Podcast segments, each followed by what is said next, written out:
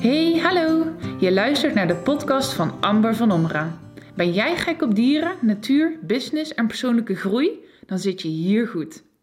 Ik ben ondernemer, dierenliefhebber en altijd bezig met nieuwe dingen leren. Ik heb er mijn missie van gemaakt om mensen met honden te helpen elkaar beter te leren begrijpen.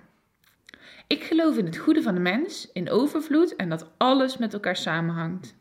Op social media ben ik dagelijks te vinden onder de naam Amber van Ommeren. De meeste mensen kennen mij als baasje van Kono of hebben een cursus gevolgd bij mijn bedrijf Movie Academy, de online en offline hondenschool voor jou en je hond. In deze aflevering van vandaag praat ik met Sam Turner. Je kunt haar kennen van haar boeken, haar lezingen over lichaamsbewustzijn en nog veel meer.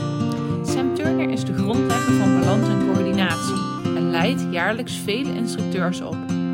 Ze reist de hele wereld over om mensen meer te leren over proprioceptie.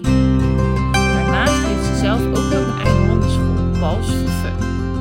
In deze podcast vertelt ze over de uitdagingen met haar eigen honden, haar vier boeken en hoe ze tot stand zijn gekomen haar kijk op het opvoeden van honden. Een podcast vol leuke anekdotes vanuit het leven van Sam. Voor mij is het heel bijzonder om hier te zitten, omdat ik dus het boek eh, zo dankbaar ben voor jullie boek vanuit mijn kilo's instructeurrol. eh, dat ik gewoon al mijn mensen het boek adviseer Ja, na mijn top. theorieles. Ja. En dat ik jou dus nog nooit heb ontmoet. En dat Nee. we dus nu hier samen zitten voor mijn podcast. Dat vind ik echt eh, heel leuk. En ook hoe je reageert heel leuk. En ja, Martine ken ik dan vanuit de osteopaat van Ja. mijn eigen hond. Maar ja. Ja. ik had jou nog nooit ontmoet. Real life, zeg maar. Dus eh, vandaar dat het voor mij heel logisch zou zijn. omdat, dat, hè? Ja. omdat dat het linkje is. Maar dat is natuurlijk Ja, een andere ja. invalshoek. Ja, dat is een andere invalshoek. Ja, nee, ik, heb, eh, ik merk het in de les ook hoor. Dat ik de reclame, eh, zo mijn boek zomaar neerleggen. En als mensen vragen hebben, dan zeg ik, oh wacht even, ik heb een boek. Of als ik denk, nou, dit zou wel heel erg handig zijn. Wacht even, ik laat je even het boek zien. Verder vind ik het heel ongemakkelijk, dat soort dingen. En eigenlijk zou dat niet zo moeten zijn waarschijnlijk. Maar ja, ik weet niet. Dat zit er niet in, denk ik. Nee. nee. En je mag gewoon super trots op zijn. Ja, nee, dat ben ik sowieso. Ja. Ja, nee, dat ben ik sowieso. Ik vind het echt eh, super. En ehm, het was ook echt super leuk om te doen. En heel veel mensen bereikt. Ik krijg altijd hele leuke reacties. En mijn eigen cursisten zijn er ook eh, heel blij mee. En het mooiste verhaal was, was iemand op het veld. Allemaal vragen aan het einde van de les. Dat was zo leuk. En ehm, nou ja, vragen beantwoorden. En er was iemand die zegt, nou, ik heb een ontzettend, goed boek. Mag ik, mag ik, vroeg ze aan mij, mag ik even... Ja, gewoon, ik heb echt een heel goed boek gevonden. Er staat zoveel in. Allemaal oefeningen en allemaal alles wat je... Ja, dit soort vragen. Ja, dan loop je dan tegenaan. En dan sla ik dat boek open en dan staat het antwoord in. Ik zeg, mag ik vragen wel een boek? En dan zegt ze, haalt ze hem uit de tas en was mijn boek. Ik zeg, nou, heel goed boek. Dat is mijn boek. Nee, echt? Ik zeg, ja. Dus die had helemaal niet door dat ze in Zevenaar bij mij, eh, bij mij op les was. Dus het was echt super grappig. Ja. Maar het was, eh, dat is wel leuk dat mensen dan eh, daar zo blij mee zijn. En dat Ja. ze de, de tips eruit halen Ja. zoals ze ook bedoeld hebben. Nou, zeker. Van dat, dat puppyperikelen hoofdstuk, dat vinden wij zelf eigenlijk wel een heel vet hoofdstuk. Ja. Omdat mensen, dat zeg ik ook meestal, als je het boek hebt, als, als je tegen iets aanloopt, ga eerst in dat hoofdstuk even bladeren. Ja. Want waarschijnlijk staat het antwoord daarin. Ja. En dan kun je gewoon eh, daar het antwoord vinden. Als het er niet in staat, dan een mailtje. Maar Ja. waarschijnlijk staat het er al in. Ja, En- eerst even bladeren. ja, en heel vaak is het echt, ja, dan is het een van die puppyperikelen waar ze, en ze lopen allemaal tegen dezelfde dingen aan. Ja. Weet je, een hond is een hond. Ze zijn allemaal individuen, dat weet ik, maar in de ontwikkelingsfases komt iedereen loopt tegen dezelfde dingen aan. De een heeft er meer moeite mee dan de ander, dat dan wel. De ene Waar lopen het- ze tegenaan? Ehm, nou, het, het buiten plassen, dat kan nog wel eens een dingetje zijn voor hele onzekere puppen. Dus die vraag krijg ik 1 op de 10 mensen, niet dat ik er 10 in de groep heb, maar 1 op de 10 mensen komt wel met die vraag. Dus 1 Ja. op de 10 pupjes is toch wel, vindt het buiten toch wel heel, heel zo spannend of zo stimulerend dat ze niet kunnen plassen buiten. En dan komen Ja. ze binnen en dan moeten ze plassen. Eh, dus die vraag komt vaak voor het bijten eh, en het jatten. Dus ja, weet je, de mobiele telefoon, de afstandsbediening, de Ja. schoenen, het speelgoed van de kinderen. En ja, daar lopen toch echt heel veel mensen tegenaan. Ja. Ook het happen eh, met het omdoen van het halsbandje of het tuigje. Hè? Dus het niet, niet aangelijnd. ja, eigenlijk, het is niet dat ze niet aangelijnd willen worden, maar dat ze gewoon niet snappen wat je komt doen. Zo, Even snel. En vooral die kleintjes, die kan er niet bij. Hup, kleintje optillen, haakje. Ah, dan denk ja, dat is echt wel lastig voor ze. dus, dan, eh, dus dat zijn wel heel veel dezelfde dingen. En het, het hier komen, weet je, dat gaat eerst tot, nou, 16 weken een beetje als magische datum. Hè, dat die pupjes die omslag hebben. Maar de kleinere, de, de klein tot middel zitten toch wel op 14 weken op dat punt. En ja, en dan dat ze, ja, hij doet het niet, hij komt niet meer. Ja. Maar hij deed het heel goed. Heb je het ook elke keer beloond? Ja, dat was niet nodig. ja, dus dat, dat, ja, dat zijn toch wel altijd... Ik denk dat elke instructeur zich daarin kan vinden. En dat iedereen daar wat tegenaan loopt. Ja. Dat dat toch altijd weer... eh, voor mensen die nog geen honden hebben gehad... Zeg ik er wel even bij. Of dat het heel lang geleden is, weet je wel. Ja. 16 jaar geleden. Eh, ja, en dat is gewoon heel anders. Ja. En toen was het ook al wel, maar veel minder wijd verspreid in Nederland. Dat je toch wel voor dat soort dingen heel veel moet belonen. Toen was het toch nog wel een beetje een moedje. Ik denk dat we nu... Ja, klikkertraining is ook alweer 25 jaar geleden. Als het niet al 30 is. Maar ja, het, het heeft echt wel zoveel tijd nodig gehad. Voordat iedereen met een brokje... Iedereen ging wel naar buiten met een brokje voor plassen en poepen. Dat is grappig is dat. Ja, Want dat kon wel iedereen dat was heel belangrijk. Dat was heel belangrijk, die zinnelijkheid inderdaad. Terwijl dat eigenlijk Ja. ja, bijna het makkelijkst. Hier komen ook hoor. Maar ook het zinnelijk maken is niet moeilijk. Alleen onze maatschappij is denk ik te druk voor de puppen. Er Ja. gebeurt te veel. Te veel honden tegenkomen, te veel verkeer, te veel geluid voor sommige honden. Ja. Ehm, vies gras, hè? altijd naar dezelfde plek. En er niet over nadenken dat honden eigenlijk ook wel een redelijk schoon toilet nodig hebben. Dus dat dat groen strookje waar iedereen zijn hond laat poepen en plassen. Dat dat toch echt voor heel veel hondjes echt wel, ja, zeer onuitnodigend is. Ik denk dat dat wel de beste omschrijving is. En dat, ehm, dus ja, daar loop je tegenaan. En eh, ja, het jatten ook echt. Dat, dat, weet je, heeft hij iets wat hij niet mag hebben. Ja, dan mag hij het echt niet hebben. Dan moet ik het toch echt uit zijn mond halen. Ik zeg, kon hij eraan doodgaan? Was het rattengif? Of was het een, eh, weet je, iets waar hij echt meteen dood aan zou kunnen gaan? Nee, hij liep gewoon met een patoffel. Nou, dan kun je naar de koelkast lopen en dan kun je kaas pakken. Ja. En dan kun je gaan ruilen. En, en dat soort dingen is het ja, echt niet vanuit de puppen kijken. En dan, en dan inderdaad hier ruilen. Dat gaat dan goed. Laat hij het los. En dan eh, gaan ze dat thuis oefenen. En dan, ja, maar hij, hij pakt het toch meteen weer. Ik zeg, ja, maar heb je dan één brokje of heb je een handvol brokjes gepakt? Ja, gewoon. Ik heb dan een brokje en dan wil ik dat hij het loslaat. Zeg, ja, maar dat, dat gaat niet werken. Want daarmee zeg je, wat jij hebt, wil ik hebben. Ja. Dus dan wordt het heel belangrijk voor hem. Maar als jij zegt, het interesseert me niks. En met gif, weet je, iets wat heel gevaarlijk is, mogen ze meteen uit die bek Ja. trekken. Dan heb je gewoon geen keus. Dat, dat doe ik ook. Maar ik, eigenlijk moeten we ervoor zorgen dat het er niet ligt natuurlijk. Ja. Maar ja, ga maar eens... eh, Die ideale wereld. ja, weet je, dat, ik heb het hier zelfs nog dat ik, ik... Het is echt wel hondproef. Eigenlijk, ik bedoel, nou, ik heb dan toevallig een tafeltje staan, maar die heb ik ook heel lang niet gehad. Gewoon, geen, gewoon helemaal niks wat op hoogte van de honden was. En dan nog, dan, als er dan een pupje wel binnen is, dat je denkt, oh ja.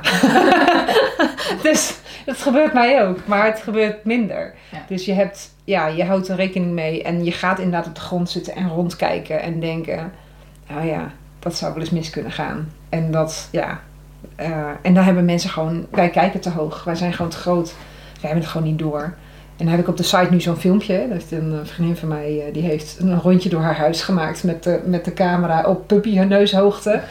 En dat we het achteraf kijken. Het is een veel te lang filmpje, maar als je hem helemaal uitkijkt, denk je, oh ja, oh ja, dat heb ik ook. Oh ja, daar hangt inderdaad nog een draadje achter de bank waar de pup wel tussen past. En dat zijn wel, eh, wel goede dingen. Leuk. Daar worden mensen wel heel erg ehm, Bewust van. ja, bewust van. Ja. Van, oh ja, niet aangedacht. Ja. Terwijl dat het voor de pup interessant is. Want ja, ze vinden natuurlijk hele andere dingen interessant dan wij. Ja. Ze zijn heel anders ingesteld dan wij. Ja. En hoe zet je je mens aan? Wij zijn, ik, nou, deze nu die spierziekte. eh, Ja. Pip, dat, dat poppetje, Ja. dat knijpoppetje. Nou, vroeger had iedereen zo'n knijpoppetje in huis natuurlijk. Dus die doe ik nu altijd als uitleg. Van wij zijn voor onze puppen, zijn wij dat knijpoppetje. Dus als je iets doet, doen wij in. Ja. Ja. En dat, ja, dat is leuk. ja. Dat is superleuk. Dus, dus dat zijn wij. Wij zijn knijpoppetjes voor onze puppen. Andersom ook, hè. De puppen zijn ook knijpoppetjes voor ons. Alleen, zij zijn wakker dan wij over het Nou algemeen. ja, wij werken en hun liggen heel de dag ons te observeren Ja, van wat doet die twee poten toch ja, heel de dag. ja, nou en dat zijn, dat zijn echt wel de standaard. Ik denk dat elke instructeur, dat zul je zelf ook merken. Zeker. Het zijn allemaal dezelfde dingen. Zeker. En dat is niet erg, maar ja, dan, dan is zo'n hoofdstuk met Ja. nou, dit gaat sowieso gebeuren. Ja, Is, is gewoon handig. Is gewoon heel lekker. ja. Ja, dus dat is echt wel, eh, wel leuk. Ja. Dus we zijn meteen aangekomen bij de drie uitdagingen eigenlijk waar puppen-eigenaren eh, tegenaan kunnen lopen. Je hebt het dan over het stukje plassen, hè? Ja. buiten plassen, Ja. bijtgedrag en ehm, de derde was het jatten, zeg maar. De spullen Ja. pakken wat van ons zijn. Ehm, en dan heb je zindelijkheid en eh, jatgedrag net wel even kort aangehaald. En het bijten. Ja, bijten is echt wel een, een dingetje. Ik ben in februari ben ik naar het WOEF-congres geweest. En eh, Sarah Whitehead die had daar een eh, praatje over bijtrem. En bijtrem is natuurlijk iets... ehm, ja, dat is ook iets wat we aan willen leren. Althans, zo zeggen we. Je moet ze leren zachtjes te bijten. En dat is door het spel te staken. En vanuit vroeger moet je ook nog een geluidje maken. En heel veel mensen doen dat nog steeds. En ehm, het, lijkt af en toe te werken. Maar Sarah die had een enorm interessant praatje. Die hebben heel veel video's geanalyseerd. Heel veel. En op geen enkel filmpje wat ze had geanalyseerd. Gewoon random van eh, YouTube afgeplukt. Hè? Want er zijn zoveel puppy eh, nestfilmpjes. Dat de bijter ging nooit, als in nooit, minder hard bijten als een andere pup piepte. dus dat was wel interessant, want dat roepen wij natuurlijk altijd. Want degene Ja. die zegt dan nee, dat wil ik niet. En dan stopt die ander, want hij leert daar dus de bijter in door. Dat blijkt dus helemaal niet zo te zijn. Ze gaan vaker alleen maar harder bijten. En dat is allerlei soorten rassen. Dus niet alleen maar de rassen waarvan je nu denkt misschien... Ah, dat zijn vast, je, Ja. die bulren, vast dat Ja. soort typen die heel hoog in de spanning staan. Nee, dus, dus ook de spanieltjes en ook de tikkeltjes. En, Ja. en toen dacht ik, ah, dat is eigenlijk wel interessant. Want het is ook zo, als mensen het over bijten hebben in het spel... Meestal is de pup te moe. Dat is, daar ga ik eigenlijk standaard van uit. Of ehm, er is onduidelijkheid. Dus er zijn een aantal facetten. Maar het grappige is wel, ik heb eh nou mijn Driven, hè, de, de, de border collie, die heeft een best wel harde mond. En dat had hij als pup al wel. En het zomaar stoppen, gewoon stoppen en het spel wegnemen, had niet altijd zin. Hij ging best wel over zijn toertjes en hij ging echt wel steeds harder bijten. Dus ik verwijderde mijzelf altijd. eh, als in, ja, ik zette er toch een hekje tussen. En ik had heel veel dingen waar hij dan weinig al bij. Dus dan ging ik inderdaad iets anders aanbieden. Dat hij daar maar in kon vastpakken. Dus ehm, de- mijn advies voor het bijten is meestal groot speelgoed. Idealiter drie keer zo groot als zijn hoofd. Want dan kun je je handen altijd weghouden van de Ja. mond. Want ze gaan, weet je, als ze het eenmaal weten... Dat knijppoppetje weer. Als ze het eenmaal weten, oh, als ik die in die handen bijt, gaan ze echt leuke dingen doen. En ze, ze juinen zichzelf helemaal op natuurlijk. Maar dan kun je dat speeltje gebruiken.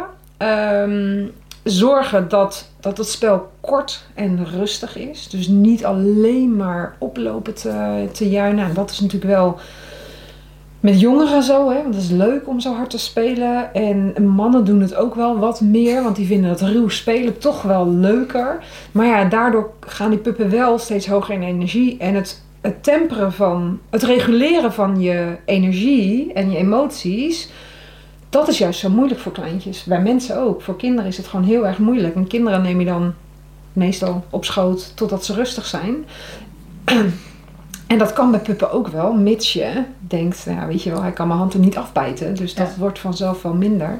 Maar dat, soms is het gewoon echt niet oké. Ehm, maar ja, het, het zorgen dat hij ergens anders in kan bijten, op tijd stoppen, energie laag houden in het spel. Dus niet super wild.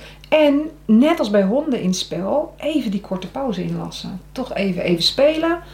Even, weet ik veel, eh, een grasje van de grond afplukken. Of weet je, gewoon echt even je aandacht ergens anders. Zodat Ja. de pup ook even, oh ja, dat is even een pauze. En dan, dan, dan leren zij ook die pauzes in. Ja. En ik denk dat daarmee dat je het minder houdt. Ja. Eh, vermoeidheid is een groot punt, zei ik net ook al. Dus het, nou, ik zeg meestal tussen vier, vier uur 's middags en acht uur 's avonds, ergens gaan de puppen door het lint. Eh, en dat heeft meestal te maken met hoeveel mensen komen er thuis, hoeveel aandacht is er wel of niet voor de pup. Ehm, eh, is het, hey, hallo, leuk dat je er bent. En nou moet ik wat anders gaan doen. zet hem even aan en dan ga ik weg. Ja, dan gaat hij wel achter je broek aan. Dus er zijn natuurlijk ja, heel veel redenen. En heel vaak heeft te maken met te veel opwinding. En daar zijn wij schuld aan. Te moe. En zijn wij ook schuld aan. Want we hebben niet goed gereguleerd of ze hun rust en hun wakkerperiodes hebben. En nou zijn er natuurlijk altijd... Ik, ik adviseer tegenwoordig eigenlijk alleen nog maar rennen. Ga je niet zozeer een bench. Ja, een bench kun je er wel inzetten. En het aanleren van een bench is super handig. Maar als je moet koken of als de kinderen thuiskomen of als eh, je partner thuiskomt, die moet een belangrijk gesprek voeren. Zorg dat de pup in de ren zit met gevulde kongs, met speeltjes, met eierdozen die hij uit elkaar kan trekken. Hij moet zich helemaal uit kunnen leven, maar dan wel eh, zonder jou te gebruiken als boksbal. Uh, of bijtbal eigenlijk. Want hij mag echt wel dat kwijt, maar proberen dat niet eerst kwijt te doen op ons en dan op wat anders overzetten. Dat is best moeilijk. Want ja, dat andere reageert niet zo leuk als wij. Nee. En minder prikpoppetje. Ja, Min, veel minder. En, dat, uh, en natuurlijk, er zijn echt uitzonderingen hoor. Ik weet dat er heel veel mensen waarschijnlijk dan denken... ja, maar er zijn ook echt puppen die gaan bijten om het bijten. Ja, dat klopt. En dat is de, denk ik de kunst van de instructeur... om uit te vragen, oké, in welke situaties... Um, is het bij het aanlijnen? Is het, uh, heeft het met materiaal te maken? Uh, dus wat gebeurt er? En inderdaad de keus maken. Is dit een gedragstherapie kwestie al? Of heeft het echt met routines te maken ja. en aanleren en werken met ja. voedsel en werken met speelgoed op de juiste momenten? En uitvragen is er wel. Uh, is nog wel eens lastig. Ik merk gewoon in de les, af en toe is het zo druk en dan loop je al uit en dan staat de volgende groep er. En dan heb je net drie vragen te weinig gesteld. Ja. En dan is het bij mij inderdaad de, de kunst, dan moet ik echt nog een mailtje erachteraan sturen. Of aan die mensen vragen, stuur me even een mailtje en dan gaan we wat door, dingen doornemen. Ja. En sommige stuur ik wel door naar de gedragstherapeut. Als ik echt denk, ja, iets is er niet goed. Maar ik doe gewoon geen huisbezoeken meer. Ik doe gewoon geen gedragstherapie. Nee. Ik vind het gewoon niet zo leuk. Maar mensen moeten wel geholpen worden. Ja. En alleen met een puppylesje komen die gewoon soms niet. Nee. Dan hebben ze gewoon meer handvatten nodig nog. Ook meer dan alleen maar een boekje. Er zijn altijd uitzonderingen. Ja, zeker. En de, dus we hebben een gemiddeld, gemiddeld met enorm veel uitschieters ja. alle kanten op. En dan heb je echt de uitschieters waarvan je denkt, oké, okay, die hebben echt huisbegeleiding nodig. En um, kijk, het ideaalplaatje is natuurlijk dat iedereen privéles aan huis wil betalen. Ja. En dat wij als instructeur daar ook nog van rondkomen. Ja, en dat is lastig. Ja. Ja, dat wil, kan niet iedereen en dat wil niet iedereen. Nee. En uh, ja, daarmee zou je wel heel veel problemen uh, al op tijd bij kunnen sturen. Mensen komen, ik weet niet hoe jij dat ervaart, maar mensen komen pas met de vraag als ze er al doorheen zitten. Ja. En niet meteen bij het eerste. Ik heb ook mensen die zeggen meteen van, die gaan voordat de pup er is. Oké, okay, maar wat doe, je, wat doe ik als hij dat pakt? Ja. Ik zei, als hij dat, dat niet mag pakken, als je weet nu al dat het daar ligt, zorg dat het er niet ligt. Oh ja, goed idee, niet aan gedacht. Maar wat doe ik als ik het vergeten ben? Oké, okay. uh, dat is echt super handig. Ja. Denk, oké, okay, dan zorg je altijd dat je een potje worst of potje kaas hebt in de koelkast. Het eerste wat je doet is, ah, hij heeft iets wat hij niet mag hebben. Het is niet gevaarlijk. Ik loop naar de koelkast, ik pak een pot met worst of kaas, ik ga strooien. En op het moment dat hij vijf, zes voertjes aan het eten is en dat dingetje niet meer aankijkt, haal je hem dan weg. Ja. Oké, okay, top. Die gaat dus ook nooit meer jatten, die hond. Nee. Want het, die gaat ruilen. Want, Ja. En het woordje ruilen erbij zeggen, dat doen heel veel mensen, want dat helpt. Gaan we ruilen. En dan denkt hij, cool, potje worst. Uh, en dat maakt het makkelijker. Maar ja, heel veel mensen, ja, wij zijn als mensen meer reactief dan proactief. Ja. Helaas. Ja, als de noodzaak er pas is aan de bel Dan trekken. ga je er wat aan doen. Dat, Ja. is, eh, dat is vaak Ja. wat er gebeurt. En eerst denk je, oh, als ik, als ik zeg dat ik dat niet wil, dan komt dat wel over. Ik denk ja, Ja. dat heb ik ook wel eens. Ja, wees nou eens stil, doe nou eens rustig. Ja, betekent niks. Nee, het is gewoon lucht. Ja, het is gewoon, als je het niet hebt geleerd wat je wilt, dan gaat het gewoon niet werken. En Ja. dat is natuurlijk omdat wij zo gewend zijn met kinderen, ook met kinderen te communiceren. eh, is dat natuurlijk een pup is natuurlijk Ja. een hele andere. Aan de ene kant, dat vind ik altijd weer zo'n leuke tegenstelling. Ik weet niet hoe jij dat ervaart. Aan de ene kant vinden heel veel mensen een hond maar een hond. Het is maar een hond, Ja. dus hij is te dom. Ja.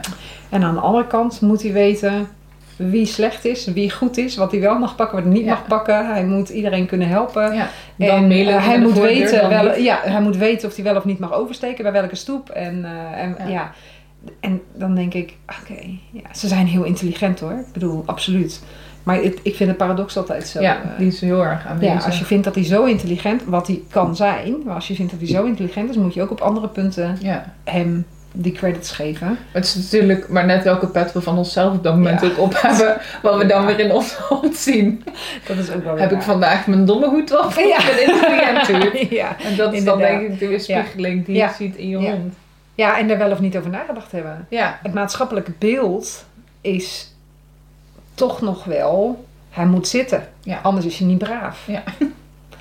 Ja. Die zit er vol zelfbeheersing. Ja, die zit er heel erg zijn best te doen. En die put zichzelf helemaal uit. En op een gegeven moment lukt het niet meer. Nou, ik weet dat hij het kan. Ja, dat klopt. Maar hij detailde ja, precies.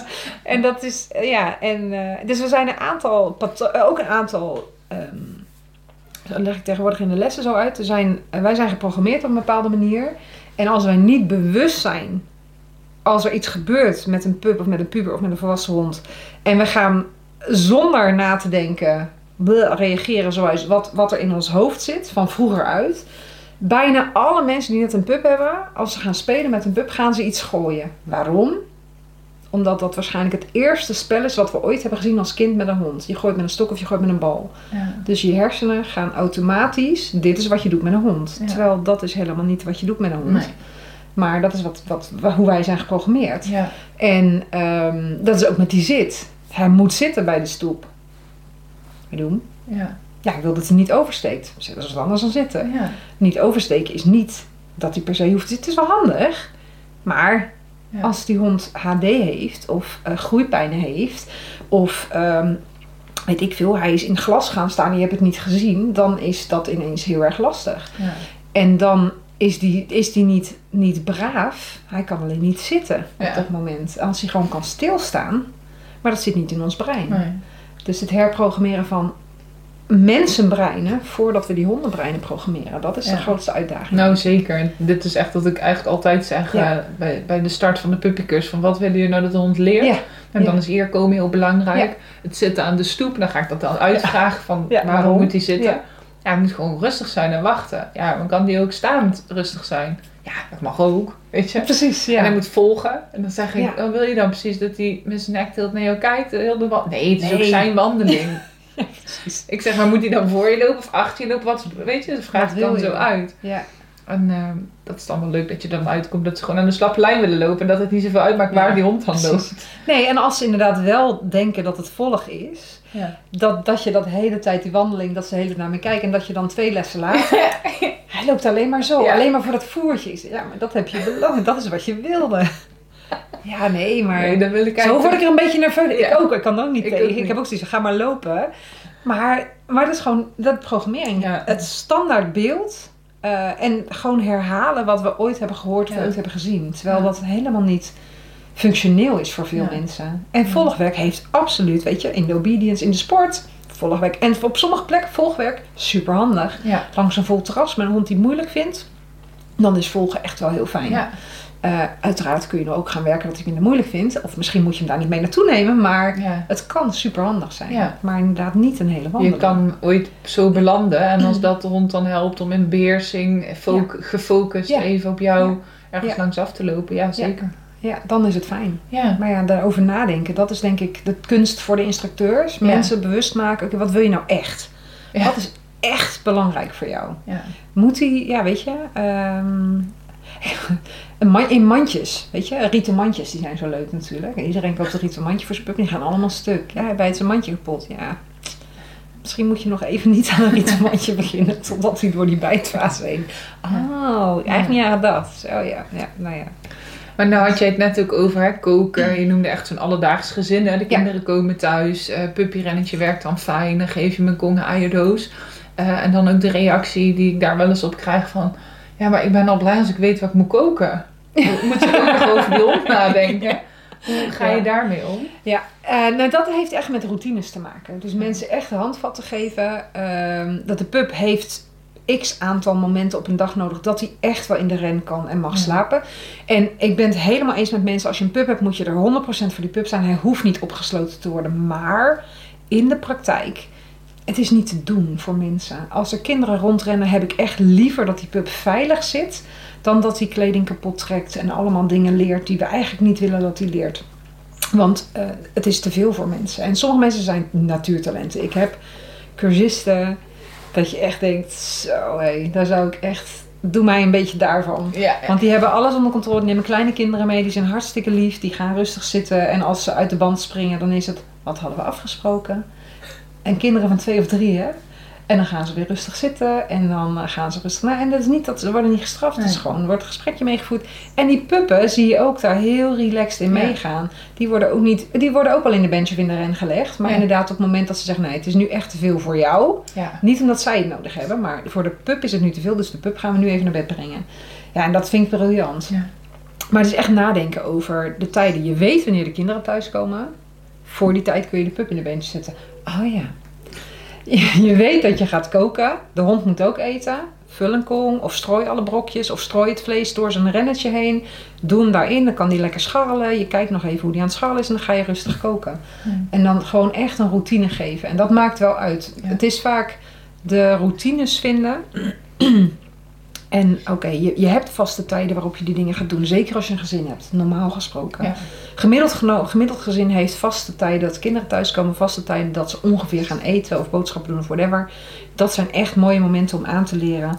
Dit is jouw slaaptijd. Ik heb het, als ik een pup in huis heb, dan is het opstaan. eh, we gaan naar buiten. eh, dan komt er een ontbijtje, dus dan ga ik trainen met het ontbijt. En dan is het slaaptijd, want dan kan ik achter de computer. Ja. Of ik kan les gaan geven. Het is één van de twee. Dus er is altijd een blok, de ochtendactiviteit. Daarna is er altijd een blok van niks doen. Ja. Eh, en dan krijg je die pup in die routine. Nou, en bij mij is de ochtend is meer routine vatbaar dan de avond. Maar ik kan me voorstellen dat met een gezin dat je dat en 's morgens en 's avonds hebt. Nou, hoe mooi is het niet als dat de momenten zijn dat je pup eigenlijk leert.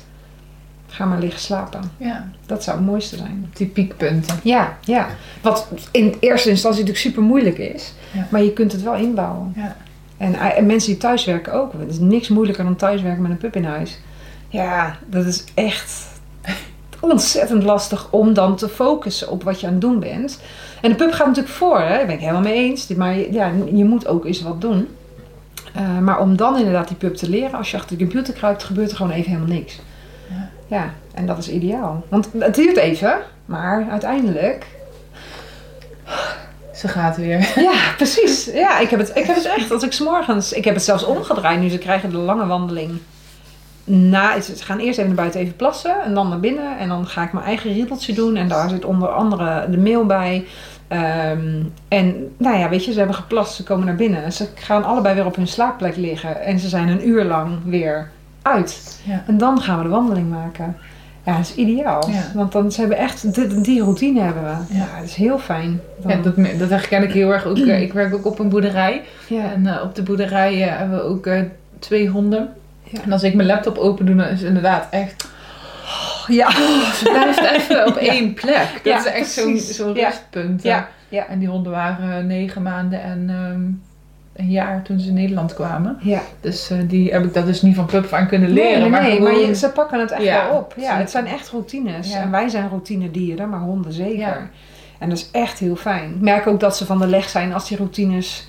Dan, ze zijn flexibel genoeg om erin mee te gaan. Dus als ze eerst de wandeling moeten doen en daarna gaan liggen, dat kunnen ze prima. Maar je merkt wel dat, ze, dat je dan echt moet zeggen, jongens, we gaan nu. Ja. Oh, oh, oké. Ja. Want ze liggen al hier. Ja, ja, en dat is wel leuk, want we draaien nou positief in die routine. Maar dat is natuurlijk ook in het negatieve. Als de hond altijd eh, druk wordt rond eh, Ja. kokenstijd of etenstijd, dan, Dan eh, blijven ze dat. En je dat gaat erop reageren. Ja, ja, juist Ja. als je je kont keert. En dan die dingen gaan doen waar je zeker weet als prikpoppetje op gaat reageren. Ja, Ja, en dat, dat is het lastige voor mensen. Om die routine te zien. En om te snappen, of om zich bewust te zijn dat ze dat kunnen voorkomen door gewoon een andere routine daarvoor in de plaats te brengen. ja, En weet je, rennetjes en hekjes, of, of weet je, alleen alles maar een traphekje naar de keuken toe. Als je, als je daar al voor kan zorgen, ja. dat maakt al uit. ja. Gewoon simpelweg. En zorgen dat hij nergens aan kan zitten waar hij echt niet aan mag zitten. Want dat is natuurlijk het grootste euvel. Ja, je had de kussens van de bank. Zorg dat ze niet op de bank liggen. Maar dan moet hij leren. Dat, inderdaad, dat moet hij leren. Ja. Maar nu, niet- als dat kan die. Dat, mijn antwoord is dan meestal, dat kan die leren als jij er 100% bij bent. Zeg maar, als jij gaat koken. Ja. Of iets anders gaat doen. Of jij gaat naar boven. Als jij, het niet kan, als jij hem niet kan leren op dat moment wat wel de bedoeling is.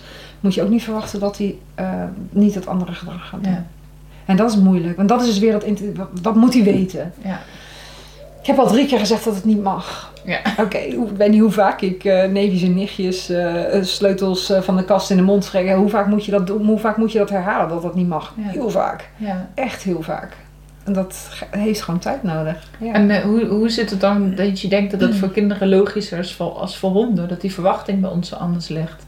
Ik denk niet dat ik denk dat wij meer geduld hebben. Kinderen mogen meer.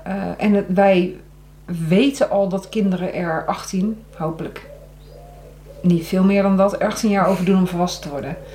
Eigenlijk veel later, omdat ons brein veel later volwassen is. Dan zitten we op 23, 24 jaar pas. Dus ja, ehm, jongeren hebben echt nog wel een brein wat, eh, wat, wat volwassen moet worden. Eh, maar als je het na gaat vragen, is Oké, als ze kinderen hebben, hoe lang heeft je kind erover gedaan om het woordje tafel daadwerkelijk aan de tafel te koppelen? Hoeveel honden her- honderden herhalingen zijn dat geweest? En ook met hondje, hondje, hondje, hondje. Dat is een hondje. Ja, leuk hè, hondje. Je hondje, hondje. En op een gegeven moment denk je, my god.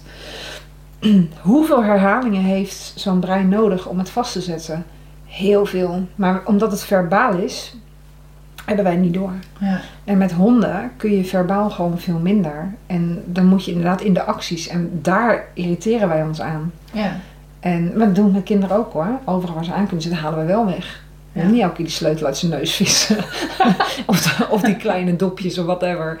Ehm, Voor de stekker ja, dat. Maar dan haal je het weg. Ja. En je, je hebt van die afplakdingetjes voor, ik weet niet hoe wij, hoe wij vroeger groot zijn geworden. Nu heb je tegenwoordig allemaal van die dingetjes voor in je stopcontacten.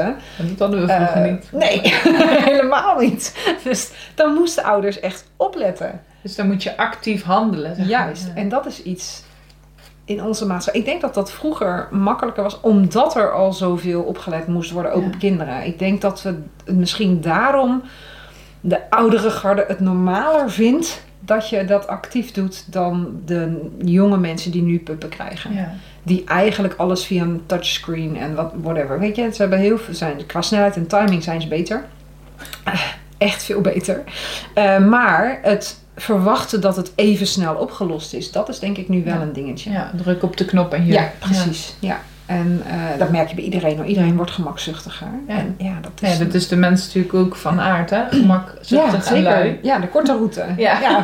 Al die mooie architecten met van die mooie paadjes door wijken en iedereen loopt de kortste route over het gras. Ja. Ja, maak er nou een paadje kortste route door het gras, want Ja. dat is wat mensen gaan lopen. Ja. Altijd afsnijden. Ja. Altijd. Shortcuts. Shortcuts en quick fixes. Ja. Maar met opvoeding. Het maakt niet uit wat voor wezen het is. Met opvoeden kan dat niet. Eh, Een veulen zal. Elk veulen zal opnieuw alles moeten leren. Dat Ja. als je je neus te diep in de waterbak steekt, dat er water in je neus. Dus, eh, dan kun je, dat is, weet je, dat is met puppen net zo. Ja. Alles moet uitgelegd worden. En dat die moeder het kon en dat die heel erg braaf was. En dat dezelfde hond twee straten verderop super braaf is. Ja, Ja. weet je, het zou fijn zijn als de moeder dat allemaal kon voorprogrammeren, maar dat kan gewoon Nee. niet. En iedereen heeft ook andere regels, hè. Kijk, ik ben inderdaad, ik zet ze, eh, ik kan echt wel leren dat ze rustig op de plaats gaan liggen als er mensen binnenkomen. Maar omdat de opwinding van de een zo dusdanig hoog is, kies ik ervoor om over het algemeen te zeggen, nou weet je, achter een hekje, eerst even kalmeren, dan krijgen ze uiteraard wat te doen. Eerst even kalmeren en dan erbij. Nou, en dat zag je, dan kunnen ze heel relaxed hallo zeggen en is het daarna ook klaar. Ja. Eh, dus dat is gemakzucht. En ik kan het echt wel leren. Ja. Eh, en dat zeg ik ook tegen mensen. Je kunt het prima, maar het vergt een hele actieve houding. Ja. En heel veel ehm, belonen voor het gedrag wat je wilt. Ja. En management. En dat is met eh, ja, mensen en honden samen heel erg lastig. Vaak, merk ik. En als jij het over belonen hebt, dat kan ook aandacht Ja, of een zeker. goal. Voor de ene is een ja. echt wel een beloning.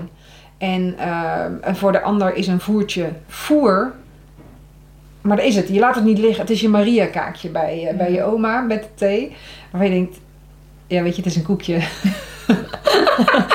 maar wil je er nog geen nu? en als er een warme brownie uit de oven komt, denk je, ah, dan ga je daar heel anders zitten. Ja. En dat, ik denk dat dat echt het zoeken naar wat is nou die beloning, dat Ja. is natuurlijk super belangrijk. Ja. En, en het, bij sommige honden is die aandacht van die persoon die binnenkomt, ja, dusdanig interessant dat dat eigenlijk door alle. Of de ander krijgt de aandacht. Hè? Als je meerdere honden hebt, als de een eerder gaat dan de ander, dan krijg je de opwinding bij de ander, die wil ook. Want, want ehm, ja, weet je, zij willen dat ook. Ja. En dan is het veel moeilijker voor ze om op hun plek te blijven, omdat de ander al mag. Ja. En dat is denk ik, eh, in multi-huishouden is dat, dat denk ik het moeilijkst. Met enkel, bij de puppen voor het grootste deel is het niet wakker zijn. Het is al gebeurd voordat de mensen er erg in hebben. En dat- die pup doet het de hele week. En dan op de puppyles nummer twee of drie zeggen ze, ja, hij springt zo. Ja. Ja, hoeveel ervaring heeft hij al in die ene week? Ja. Heel veel. Ja. ja, maar iedereen wil hem aaien. Dus ja, jij hebt ervoor betaald voor die pup. Ja. Wil je dat iedereen hem aait als hij met, met vier voeten de lucht Je hebt springt? ervoor betaald. Ja, ja toch? jouw Dat is jouw... Ja, maar hetzelfde met je auto. Ja. Als je een auto hebt gekocht... Ja, ik vind het zo'n gave auto, mag ik een rondje maken? Als iedereen dat in de straat vraagt, zeg je er ook geen ja? Ja. ja, dat is wel een goeie. Ja, ik vind het niet zo'n heel ander verhaal. Nee. Dus, en dat is met een pup net zo. Want bijna iedereen met een pup vindt het vervelend. Ja. Omdat ze zich gaan generen. Ook Ja. weer zo'n dingetje. Je hoeft je niet ervoor te generen. Maar je krijgt er commentaar over. Dat weten ze ook. Ja. Weet je. Dus leuk tot vier maanden, vijf maanden. Afhankelijk van welke Dan zijn ze de puppyvergunning kwijt, ja, en dan mag niks Nee. meer. Nou, dan heb je nog wel even werk aan. Ja, ja. dat is heel fijn. Dat is heel motiverend. Ja, precies. Kijk, dit doet Ja. hij nou als je dan binnenkomt. Ja. Dit doet hij nou. Ja, Oh, ja, ja. Ja. Maar dat, jij zult het merken als de puppies het veld opkomen. Ga maar even de juf hallo zeggen. Ja. Misschien gaan we dat maar even niet doen. Nee, ik zeg altijd nee, dat hoeft niet. Nee. Ik, ik ben niet belangrijk. Ik ben er niet, zeg Nee. dat. Ja, en het erg is, je bent al belangrijk omdat je, als jij praat, komen er voertjes. Ja. Je hoeft er niks voor te doen. Je bent altijd belangrijk, omdat als jouw mond open gaat, denken al die puppen, aha, die is echt belangrijk. Want als zij gaat praten, gaan zij voeren. Dus je hoeft er nooit, Dit heb ik echt nog nooit nooit over nagedacht. Want ik heb dus echt een paar honden die ik al gewoon twee, drie jaar begeleid. Ja, En als die in de auto horen mijn stem, gaan ze al zo. ja. En heb je ze ooit extra aandacht gegeven? Nee, Nou, ik, ik, ik raak dat ze is niet de aan, reden. In principe. De connectie met jou is, er gebeuren heel veel leuke dingen als jij er bent. Hier heb ik, dit vind ik echt heel leuk. Het is het makkelijkste wat er is, is... Ik hoef... Ik, er zijn altijd puppies waar ik een zwak voor heb in een les. Ja, altijd. Sommige kan ik niet negeren. En dan moet ik even mee kroelen. Over het algemeen doe ik het niet. Ik geef ze ook nooit eten. Eh, ik haal hem bijna nooit een pup eruit om te laten zien. Tenzij iemand zegt, wil je me alsjeblieft even met mijn pup laten zien hoe je dat nou doet. Dan wil ik het doen. Anders Ja. doe ik het nooit. Ik kom nooit aan andermans honden. Omdat ik... Het is heel makkelijk voor als Ja. instructeur. En soms En heb je een doe je hond... dat dan? Sorry dat ik je onderbreek, Ja. maar ik doe het dus wel ooit. Omdat ik dan merk dat ik mensen heb, als ik praat, die hebben heel dag gewerkt. Ja. En dan zitten ze al, al die woorden. Ik zie gewoon dan Mhm. dat die woorden niet soort van landen. En dan doe ik het heel kort voor. En Ja. dan is, oh, bedoel je dat? En Ja. dan Ja. doe ik het meer voor de Ik eigenaar. geef geen avondenles. Oh ja. Maakt heel veel uit. Ja, dat scheelt heel scheelt veel. heel veel. De ochtenden zijn de puppen Ja. fitter en de Ja. mensen zijn fitter. Dus Maar dan nog, ik ben heel erg van het beeldend. Dus Oh ja. je doet het voor dan, maar zonder Ja. hond. Ja. En dan inderdaad proberen bij te sturen. En dan, Ja. oké, probeer het nu eens zo. En eh, oké, nu moet je het voetje echt vasthouden. Als ze dan echt zoiets hebben van... groot vraagteken, hier. Dan doe ik het. Ja, maar dan gemiddeld genomen... wil niemand dat je de pup overpakt. Want het is ontzettend demotiverend. Ja. En, ehm, maar soms is inderdaad de hoogte van de hand. Maar wat ik dan ook wel eens doe, is als het gaat om het leren staan bijvoorbeeld. Hè, als de hond ligt, dan kun je heel makkelijk laten staan. Door alleen maar je hand zo te doen. Op de afstand waar die neus gaat zijn als hij staat. En sommige mensen hebben dan even nodig, weet je, bij je knie. Ja. Hou je hand tegen je knie aan en plop, die hond die staat. Wauw. Ja. Maar dan hebben ze een richtpunt. Heb je die Ja. hond niet nodig? Ja. Maar dan kun je aan de hand van, hopelijk kennen ze hun lijf. Dat is wel een dingetje Ja. het hoofd bij je knie. En dan zitten ze halverwege de kuit of halverwege een dijbeen. Je linkerhand. Nee, ja. handig links. ja, precies. Dus dat is weer wat eh, ja, over je lijf kennen. Eh, dus maar ook veiligheid. Mensen vinden het ook gewoon echt zo, vaak spannend om in Ja. de groep Ja, er te zijn. En Ja. de rit er naartoe. En dat, dan Klopt. zie je ze na twee lessen dat ze dat prima wel kunnen. Die coördinatie. ja, En, eh, Ja, ja, en het hoeft, weet je, ik probeer de drukte af te houden. Ik geef huiswerk, kijk het nooit na. ja, ja. En als ik, het, als ik dan afvraag of iedereen zijn huiswerk gaat, dan zie je allemaal... dat maakt ook niet uit. Het is lekker makkelijk voor mij. Gaan we verder waar we gebleven zijn. dus Ja. in die zin, eh, de druk eraf halen vind ik wel Ja. belangrijk. Ja. Omdat er al zoveel druk is van de maatschappij. Mensen hebben zulke hoge verwachtingen van mensen met een pup. Ja.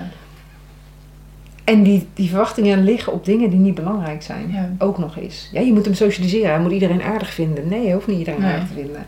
Hij moet chill zijn als er mensen in de buurt zijn. Maar hij hoeft niet iedereen aardig te vinden. Hij hoeft ook niet uit te blaffen, zeg ik altijd. Maar hij hoeft Nee, maar hij hoeft ook niet per se op schoot te Nee. kruipen. Dat is helemaal niet nodig. Nee. En dat is, dat, ik denk dat die gradaties, dat dat moeilijk is. Ja. Dat dat maats- maatschappelijk beeld is. De honden moeten iedereen en alles leuk vinden. En tegelijkertijd enthousiast zijn en niet springen.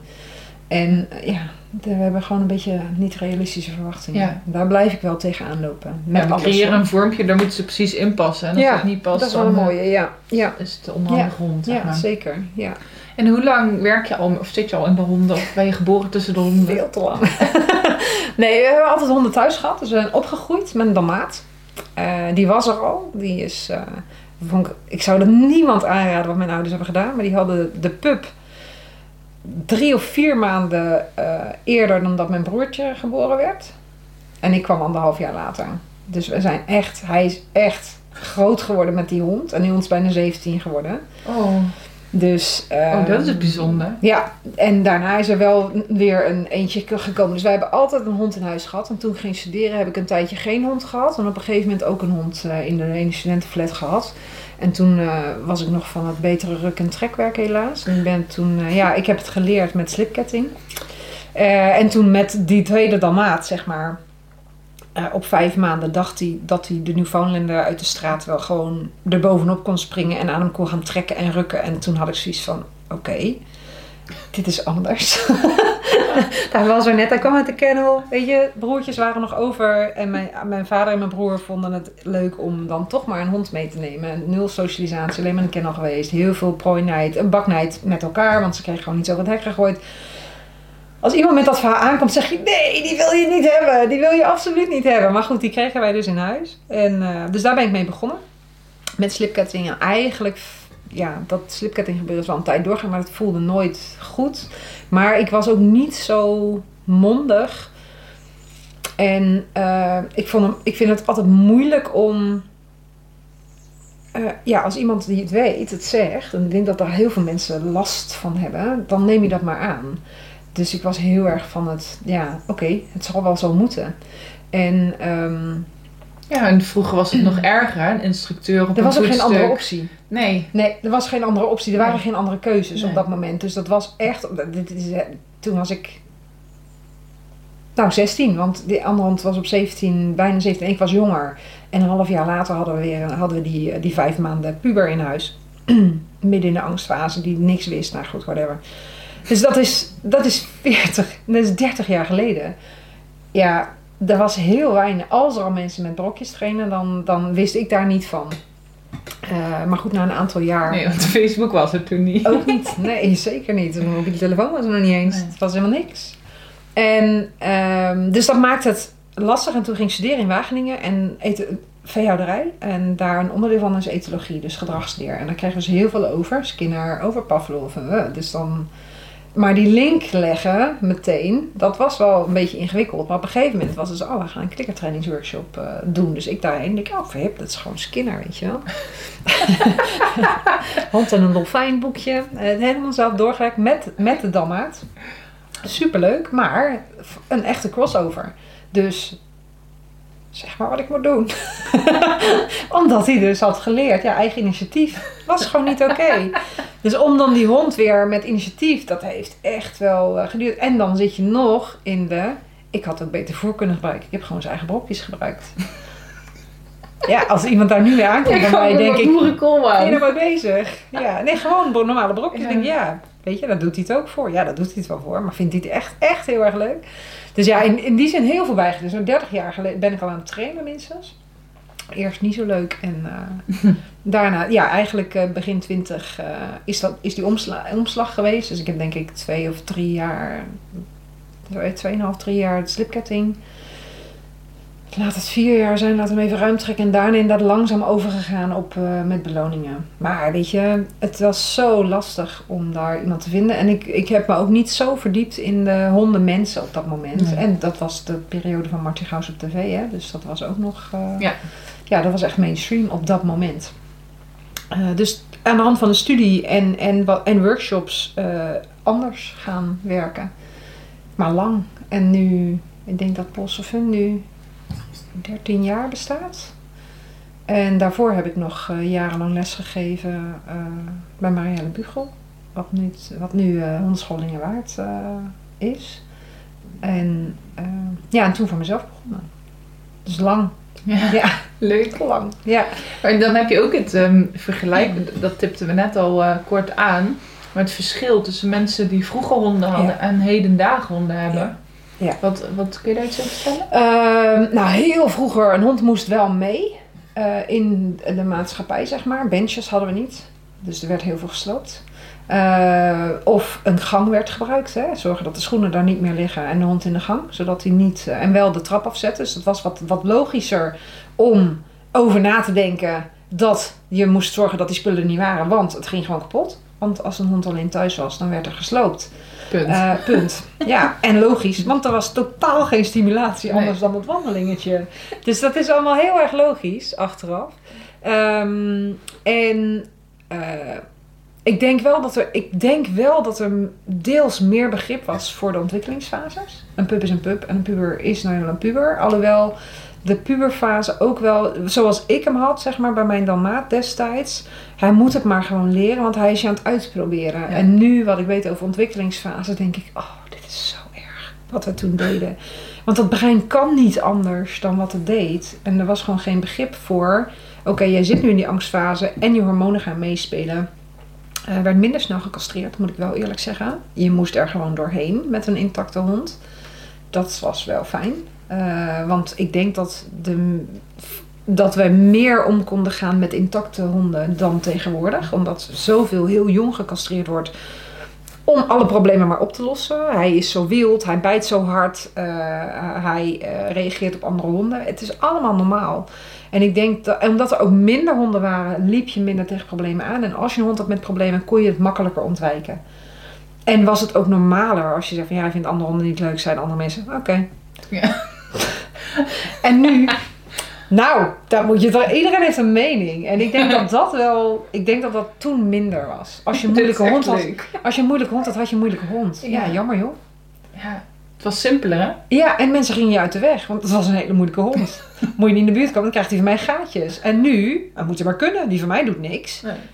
Laat het gewoon doen. We zien Laten we wel. gewoon doen. En als hij gaatjes heeft, is jouw schuld. Ja. Ja. maar jij kan bij mij in de buurt. Weet je, dus Ja. het is, ik denk wel dat de, deels de hond als individu veel meer gewaardeerd werd. Dus er was meer begrip vanuit het feit, ja, honden kunnen nou eenmaal andere honden niet leuk vinden. En dat is nu niet meer aan de orde. Ik denk dat het, als je hem socialiseert, dan is die, is die leuk. Ik denk dat dat een totaal eigen leven gaat, is gaan leiden. Want dat is gewoon niet zo. Weet je, mensen vinden ook niet iedereen leuk. Kijk, ik vind mensen superleuk. Maar vooral mensen die ik ken. En ik ga echt niet, als, als mensen op straat lopen, ga ik eens zeggen, kom je een kopje thee drinken.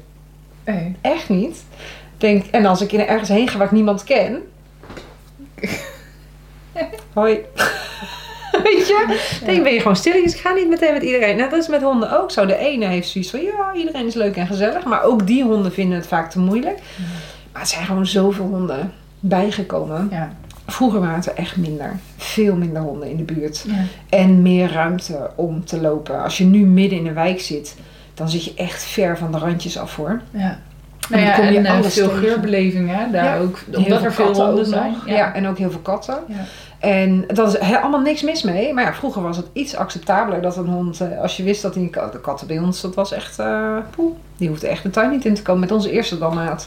Eh, en dat wisten ze ook allemaal. Dus die liepen op de schutting over ons. Dan gingen ze bij de buren er weer in. Maar bij ons daar gingen ze keurig over de schutting, over het randje en dan verder. Ze zaten nooit in de tuin. En dat was ook niet een drama. Terwijl nu kun je gewoon een burenruzie krijgen van het feit dat ofwel je kat over de schutting loopt, ofwel dat je hond lelijk doet Ja. naar een kat. Alles staat heel erg gespannen. Hè? Dat Ja. is eigenlijk wat, Ja. je, wat, wat ik er Ja. steeds in terug hoor. Ja, dan Alle denk ik lijnen wel. Minder strak. begrip. Minder begrip voor, eh, sowieso voor andere mensen. Dat eilandjes gebeuren. Ehm, ja, ik denk dat iedereen zijn eigen eilandje meer is gaan bewonen. We zijn natuurlijk heel erg individualistisch aan het worden. En dat komt natuurlijk ook deels door re- regelgeving en door die fantastische apparaten die onze breinen uitzetten. Ehm, kijk, dit soort gesprekken kan iedereen voeren overal. Maar er is Ja. bijna niemand die het doet. Nee. Niemand gaat meer rustig in een cafeetje zitten kletsen. Nee. En gewoon eens even een gesprekje aangaan ergens over. En op een leuke manier, hè? Maar dat op een leuke manier is al moeilijk. Ja. Ehm, en vroeger was het gewoon veel meer zo. Als we langsliepen, Eh, met, ik had wel een, wel een, lastig, een lastig portret, weet je. Hij was niet gezellig met andere honden. Maar goed, dan hield je hem aan de riem. Je liet hem alleen maar los op plekken waar het kon.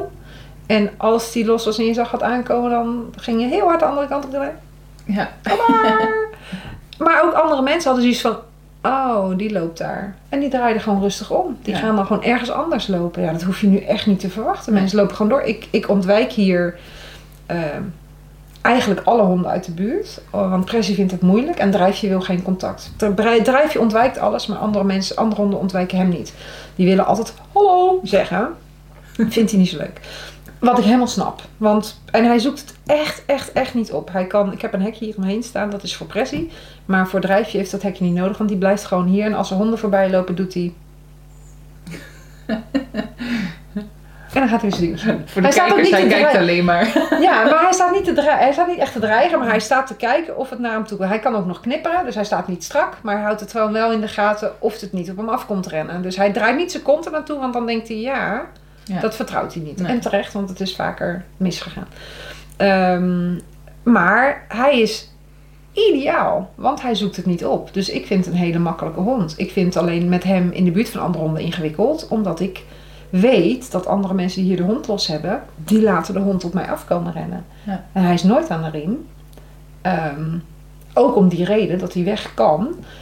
Maar dat is lastig. En vroeger gebeurde dat, naar mijn beleving, minder. Ja. Als ik ergens met mijn losse hond liep, kon ik het makkelijk ontwijken. Eh, want er waren niet zoveel. En mensen riepen hun hond makkelijker terug. En natuurlijk had je altijd, ging, het ging altijd wel een keer mis. Maar hier eh, tegenwoordig, als ik mijn cursist ook hoor, ja, weet je, ze doen drie stappen naar het park en er zitten al drie labradors bovenop. Excuses, het hoeven niet labradors te zijn, allemaal honden, maakt niet Ja. uit. Maar dat is mijn standaard Die reeltje. hebben een kleinere bubbel, zomaar zeggen. Ja, ja, persoonlijke ruimte. Nee, maar is is het? ook altijd mijn voorbeeld. Ja, Dus- ja. en nou, boxers vallen er ook een beetje onder. Die hebben Ja. ook geen persoonlijke ruimte. Dus ja, en, ik- dus ik denk dat daar het verschil zit. En onze tolerantiegrens ligt heel laag. We roepen altijd wel heel hard dat we Nederlandse tolerant zijn, maar Ja. dat is wel een beetje weg. Voor mensen ook. Ja. Hoe vaak je wel niet hoort dat mensen woorden hebben met mensen onderweg. Omdat ze alleen maar vragen, wil je hond even aanlenen? En ik weet het hoor, eh, andere, je moet je eigen hond opvoeden, dat snap ik. Maar als je, als je niet kunt ontwijken en als die hond op jou afkomt, maar je weet dat je hond, jouw hond is aangelijnd en zelfs al muilkorf je hem, dan nog, hoe moeilijk is het om je hond even aan te lijnen? Ja. En ja, je Nee, kunt... ja, al is het maar om eh, even... Ik, Even ik er leer dus al mijn cursisten, lijn ze aan. Al is het maar om te vragen, Is die veilig? kunnen Ja. ze spelen? Al kan je het maar vragen. Mhm. En dan is mijn motto altijd, als het dan een ja is, loop dan samen. Dus niet meer tegen Ja. elkaar in, maar trek dan samen een stukje op. En als Ja. dat nog steeds leuk lijkt te gaan, Dan kunnen ze dan misschien Ja. kan de lijn af. Maar Ja. als jij ze al niet meer bij je kan roepen, aan kan lijnen en even contact kan maken met de eigenaar van, Ja. heeft hij geen rugpijn, heeft hij niks aan zijn Ja. heupen, weet je, gewoon even kort, is hij niet ziek, is het En oké. vindt hij het gewoon spannend? Want dat kan, hè? Want we hebben natuurlijk heel veel kleine hondjes. Ja, Ja, en die vinden het toch echt wel spannend, al die Ja. grote honden Nou, die op ze afstuiven. dat ja, laat ze snap ook horen. Snap ik wel. Die hoor je ook wel. ja, eh, ja, ja, en dan krijg je het steun niet aan. ja. Want dat is ook weer, hè? Ik denk dat echt dat honden moeten overal mee om kunnen gaan. Dat het echt totaal uit proporties is geraakt. Uh, en, en een hond moet een hond kunnen zijn. En je moet een kleine hond ook als een, als een normale hond benaderen, ja. Maar in het land der reuzen, als ik, als ik rugbyspelers van drie meter hoog op mij af zie komen rennen... Nou, weinig kans dat ik blijf staan en denk het is gezellig. ja, toch? Ja. Het is echt het land der reuzen. Het is gewoon niet meer... eer- Ja, het is een hond, maar hij is ook kwetsbaarder, want hij weegt minder. Ja. En hij is echt wel sneller stuk. Ja. Dus da- en dat, ik denk dat we daar een beetje het spoorbijster zijn geraakt in de maatschappij. Hè? Ja. Er zijn heel veel mensen doen, die weten het allemaal, die, dat gaat allemaal Tuurlijk. prima. Maar ik denk over het gemiddelde genomen zijn we een beetje het spoorbijster. Ja. Dat wat, wat kan, wat kan niet. En moet je kleine hondjes beschermen? Ja, die moet je beschermen. Altijd. Ja. En moet je grote honden, bijvoorbeeld nou, de Duitse herder ook weer zo'n leuk voorbeeld. Ik heb er een, dus ik mag erover klagen. Het jagen op andere honden. Weet je, het vanuit onzekerheid gaan schreeuwen. Ja. En dan vaart maken. En als hij wegrent, denk yes. Ja. En dan gaat die herder in die flank. Want dat doen Duitse herders. In die flank, klakken de klakken de klak. Om maar Ja. op te jagen. Voor hen is het normaal gedrag. Het is ook normaal gedrag. Ja. Het is niet onaangepast. Het is alleen niet handig. Want die Nee. andere honden schrikken zich wezenloos. En dan heb je weer die stomme herder. Ja, Ja. Hoe vaak ik wel niet hoor. Slechte ervaring met herders. Vind herders niet leuk. Nee. Ja, het verbaast me nou weer niks. Nee. Omdat we onze herders niet bij ons houden. Hetzelfde met Labrador. Hoeveel border collies hebben wel geen hekel aan Labradors? Ja. Ja, Labradors, als je die ziet, dat gaat niet goed. Nee, omdat hij gewoon hallo zegt met een body roll, wrestle en drie keer op je buik springen. Ja. Ja, dat vindt een border collie niet zo leuk. Nee. No Nee, dan heb je nou de labradoodles. Ja, Kun je daar iets over vertellen? ja. Ja, nou, ik, ik, ik, weet je, ik vind het eh, bijzonder dat mensen 2000 of meer euro betalen eh, voor een kruising. Dat vind ik bijzonder. En dan eh, dat ze de lessen bij goede hondenscholen te duur vinden. Ja, waar liggen je prioriteiten, denk ik dan? Ehm, ik merk dat de. En ik denk dat er meer instructeurs zijn. Dat ben ik niet alleen zelf, als ik met collega's praat ook. Dat er veel kleine eh, varianten rooien. Heel veel problemen met bijten en eh, geen afstand kunnen nemen van een mens laten zien. Ik heb er al meerdere op 12, 13 weken naar de gedragstherapeut gestuurd. Dat ik echt denk, het is niet goed. Dus dat baart mij zorgen. Mij ook. En eh, merk jij het ook? Zo. Ja. Ik zei voor de grap, ik ga het niet doen, want iedereen is bij mij welkom hoor. Ja. Maar ik zag hoog risico honden weigeren. Ja. Nooit. Nee. Maar die toedels. Ja. ja. Dan kom ja, ik in de wel. krant, denk ik. Als Ja. ik dat ga doen. Ja, maar je merkt het nu bij de trimmers. Trimmers doen het ook. En het gaat dan om die vachten. Omdat de mensen ze niet goed uitkammen. Dus het zijn mensen, er zijn nu trimmers die doedels weigeren. Omdat ze gewoon niet verzorgd worden. Ehm, Ik vind gelukkig zijn er heel veel trimmers doedel gespecialiseerd ook inmiddels. Dus Ja. dat is fijn. Maar eh, dus dat merk ik. Ik merk dat... ehm, Ik vind ze vooral ook dat ze zo kunnen gaan zitten en dan gewoon omhoog kijken naar echt niks. Ja, spoken zien, ja. Gewoon kijken om het kijken en dat je dan meekijkt en je vliegt er een vogel of zo. Er is Ja. dan echt werkelijk niks. Ja, maar wij weten niet wat ze zien, hè? Ja.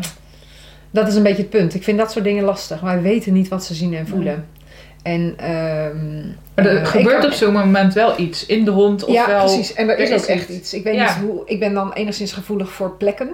Ja. Eh, dus ik kan bepaalde kerkhoven wel oplopen en andere dan krijg ik in de auto al de kriebels. Dus dan hoef ik niet eens uit te stappen. Ja. Dus je kunt, honden kunnen natuurlijk ook ehm, op plekken gevoelig zijn. Ja. Of er komt een geluidje, of er komt een geur op de wind.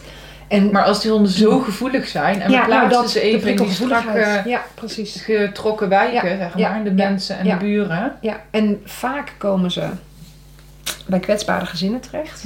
Want de doodle lost alles op als het gaat om autisme. Ja. En dat is, is echt, ja, ik vind het heel moeilijk. Ik ben daar wel heel erg. ehm, eh, kijk, het gebeurt al voordat je er erg in hebt, maar ik vind het wel een dingetje, want die honden zijn heel kwetsbaar. Ze zijn al zo gevoelig. En dan komen ze in een gevoelig gezin en dan krijgen ze dat allemaal mee. Het is niet zo dat ze pas gaan werken als ze volwassen zijn. Nee. Ze pakken alles op als puppy. Ja. En, eh, en, en, dan, en die breinen, de, de ontwikkeling van het brein totdat ze volwassen zijn, is super kwetsbaar. Dus alles wat slecht is, alles wat extra emotie is, alles wat eh, extreme prikkel of extreme ervaringen zijn. Nou ja, zie het maar als alcohol geven aan een puppy. Je tast de ontwikkeling Ja. van het brein aan. En ik denk dat we dat ons niet voldoende realiseren. Ik denk dat dat dat daar ook een stukje bij sommige fokkers wellicht niet rekening mee wordt gehouden. Dat je ze plaatst in, op plekken waar ze niet de juiste her- eh, hersenontwikkeling graag kunnen hebben. Ja. Omdat het gewoon veel te eh, ja, moeilijk voor ze is, veel te heftig voor ze is. Ja, en verder, eh, ze worden gezien als rustige honden. Dus de meeste, ik heb best wel veel herplaatsdoedels, uh, puppies zien gaan. Eh, dus dat ik een berichtje krijg na vijf weken, ja, we doen hem weg. Eh, want ik heb onderschat hoeveel werk het is en ik vind het niet meer leuk. En het is te druk en Ja. het is te veel bijten. En, en ja, ik dacht dat een doedel rustig was. Dus het is ook het, het beeld hoe Ja. ze... Fantastische marketing hoor. Ja. Fantastische marketing. Maar niet realistisch. Nee. En niet eerlijk. Voor de mensen niet. Nee, En zeker. vooral voor de Veel pijn en verdriet hoor, rondom. Heel want veel. mensen gaan Ja. toch gewoon een beetje geven en dan gaat Ja. het toch weer weg. Ja, ja, ja, ja. En het, soms is de match gewoon echt niet oké. Nee. En dan... Ja, maar net met alle rassen. Ja, dat Ik is vind- natuurlijk met meer rassen. Ik vind alle rassen gevoeliger geworden over de afgelopen jaren. Is dat nou omdat onze maatschappij drukker is? Is dat vanwege eh, fokken, dus genetische basis? Wa- waar zijn we op? Of is het vanwege selectie? Op kleur of op eh vachttype. Wat, wat selecteren we nog meer mee? Ja. Ja, ik vind het. eh, ja, ik merk dat het moeilijk. De puppen lijken minder chill te zijn dan dat ze waren. Ja. Nou ligt de druk ook hoger. Hè? We hebben ons verwachtingspatroon op 16 weken moet die klaar zijn. Ja. Puberteit? Nee, dat gevoelige eh, vind ik wel grappig, want dat meen ik dus ook te zien. Maar ik koppel het dan zo. Ik ben steeds gevoeliger geworden en steeds Oh, meer zien. gaan Nee, afstemmen. ja, ja, weet ik niet. Ik denk het niet. Nee. Dat Want als er een relaxte pup tussen zit, dan springt hij er al ja, echt dat uit. klopt. Ja, dat klopt. En dat was Meteen zo'n paar voor je ogen, hè? Ja, als je ja, dat ja, en dan, eh, dat is echt... En dat was vroeger de maatstaf. Was ja, ik ben pas zes jaar natuurlijk voor mezelf. eh, Ja, dus maar ik heb het, niet is, zozeer... het is van de afgelopen... Nou, tussen de vijf en de acht jaar Ja. is het... Is het Ja. ik, ik, riep de hele tijd van de afgelopen twee jaar, maar we zijn inmiddels al meerdere keren twee jaar verder. Dus, eh, ja. En ehm, ja, nee, dat moet echt wel tussen de vijf en de acht jaar zijn. ja, dat ik dat wel interessant. Rasbreed, hè? Dus Ja. niet, het is niet alleen maar de doodle. Maar je ziet het bij heel veel Ja, types. jawel, zeker. Ja, meer Want gevoeligheid. het is wat jij zegt, die relaxte, ik bij mij ploppen ze meteen Ja. op. Het zijn die vallen enkele- op. Die vallen op. En voorheen vielen de drukken op. Ja. En dat is niet meer. Dus de is druk is de norm, bijna. Ja. En eh, je kunt mij niet wijsmaken dat het alleen maar aan de mensen ligt. Dat kan niet. Nee. Het kan niet zo zijn. Want ik heb echt wel hele zinnige mensen op les. En de meeste mensen hebben wel zinnige mensen op les. En die mensen zijn niet anders. Mensen met eerste keer puppen... Ze zijn wel iets anders. Ze verwachten misschien wel dat het makkelijker zou zijn dan. Maar het is niet dat ze minder intelligent zijn of minder Nee. kunnen nadenken of wat dan Nee, maar ook. de mensen zijn natuurlijk wel eh, ook Ze al zijn drukker. drukker. Dat En ook al zijn ze heel Ja. bewust af en toe ook niet druk, dan nog moeten ze vaak met z'n tweeën werken. Dan zitten de Precies. kinderen naar de opvang. En Ze hebben een drukker leven. denk ik wel, als vijf jaar geleden al. Ik ja. denk dat daar veel meer vaart achter zit. Ja, dat klopt. Alles moet sneller. Maar goed, de ontwikkeling gaat gewoon niet sneller met een pup. En ik denk Nee. dat onze verwachting in de maatschappij ligt heel hoog. Ik heb de verwachting als ik een pup in huis heb, tegen de tijd dat hij drie is, dan, dan ga ik verwachten dat het een beetje gaat Ja. uitbalanceren. Ja. Het is natuurlijk heerlijk als hij het allemaal eerder kan hoor. En hier komen is voor mij, dat is één. Ja. Hier komen, als hij alleen maar kan komen op zijn naam, dan ben ik, dat is het. Ja. Dat vind ik het allerbelangrijkste. Altijd overal komen. Eh, en verder, ja, weet je, Ja. is het allemaal bijzaak. En ehm, ja, kijk, begroeten.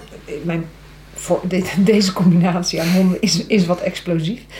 Eh, maar ehm, ik kon in principe, ik heb drie honden gehad tijdenlang. En die konden prima gewoon gaan liggen als er mensen binnenkwamen. Ja, ze lagen wel een beetje strak. En dan mochten ze om en om hallo gaan zeggen.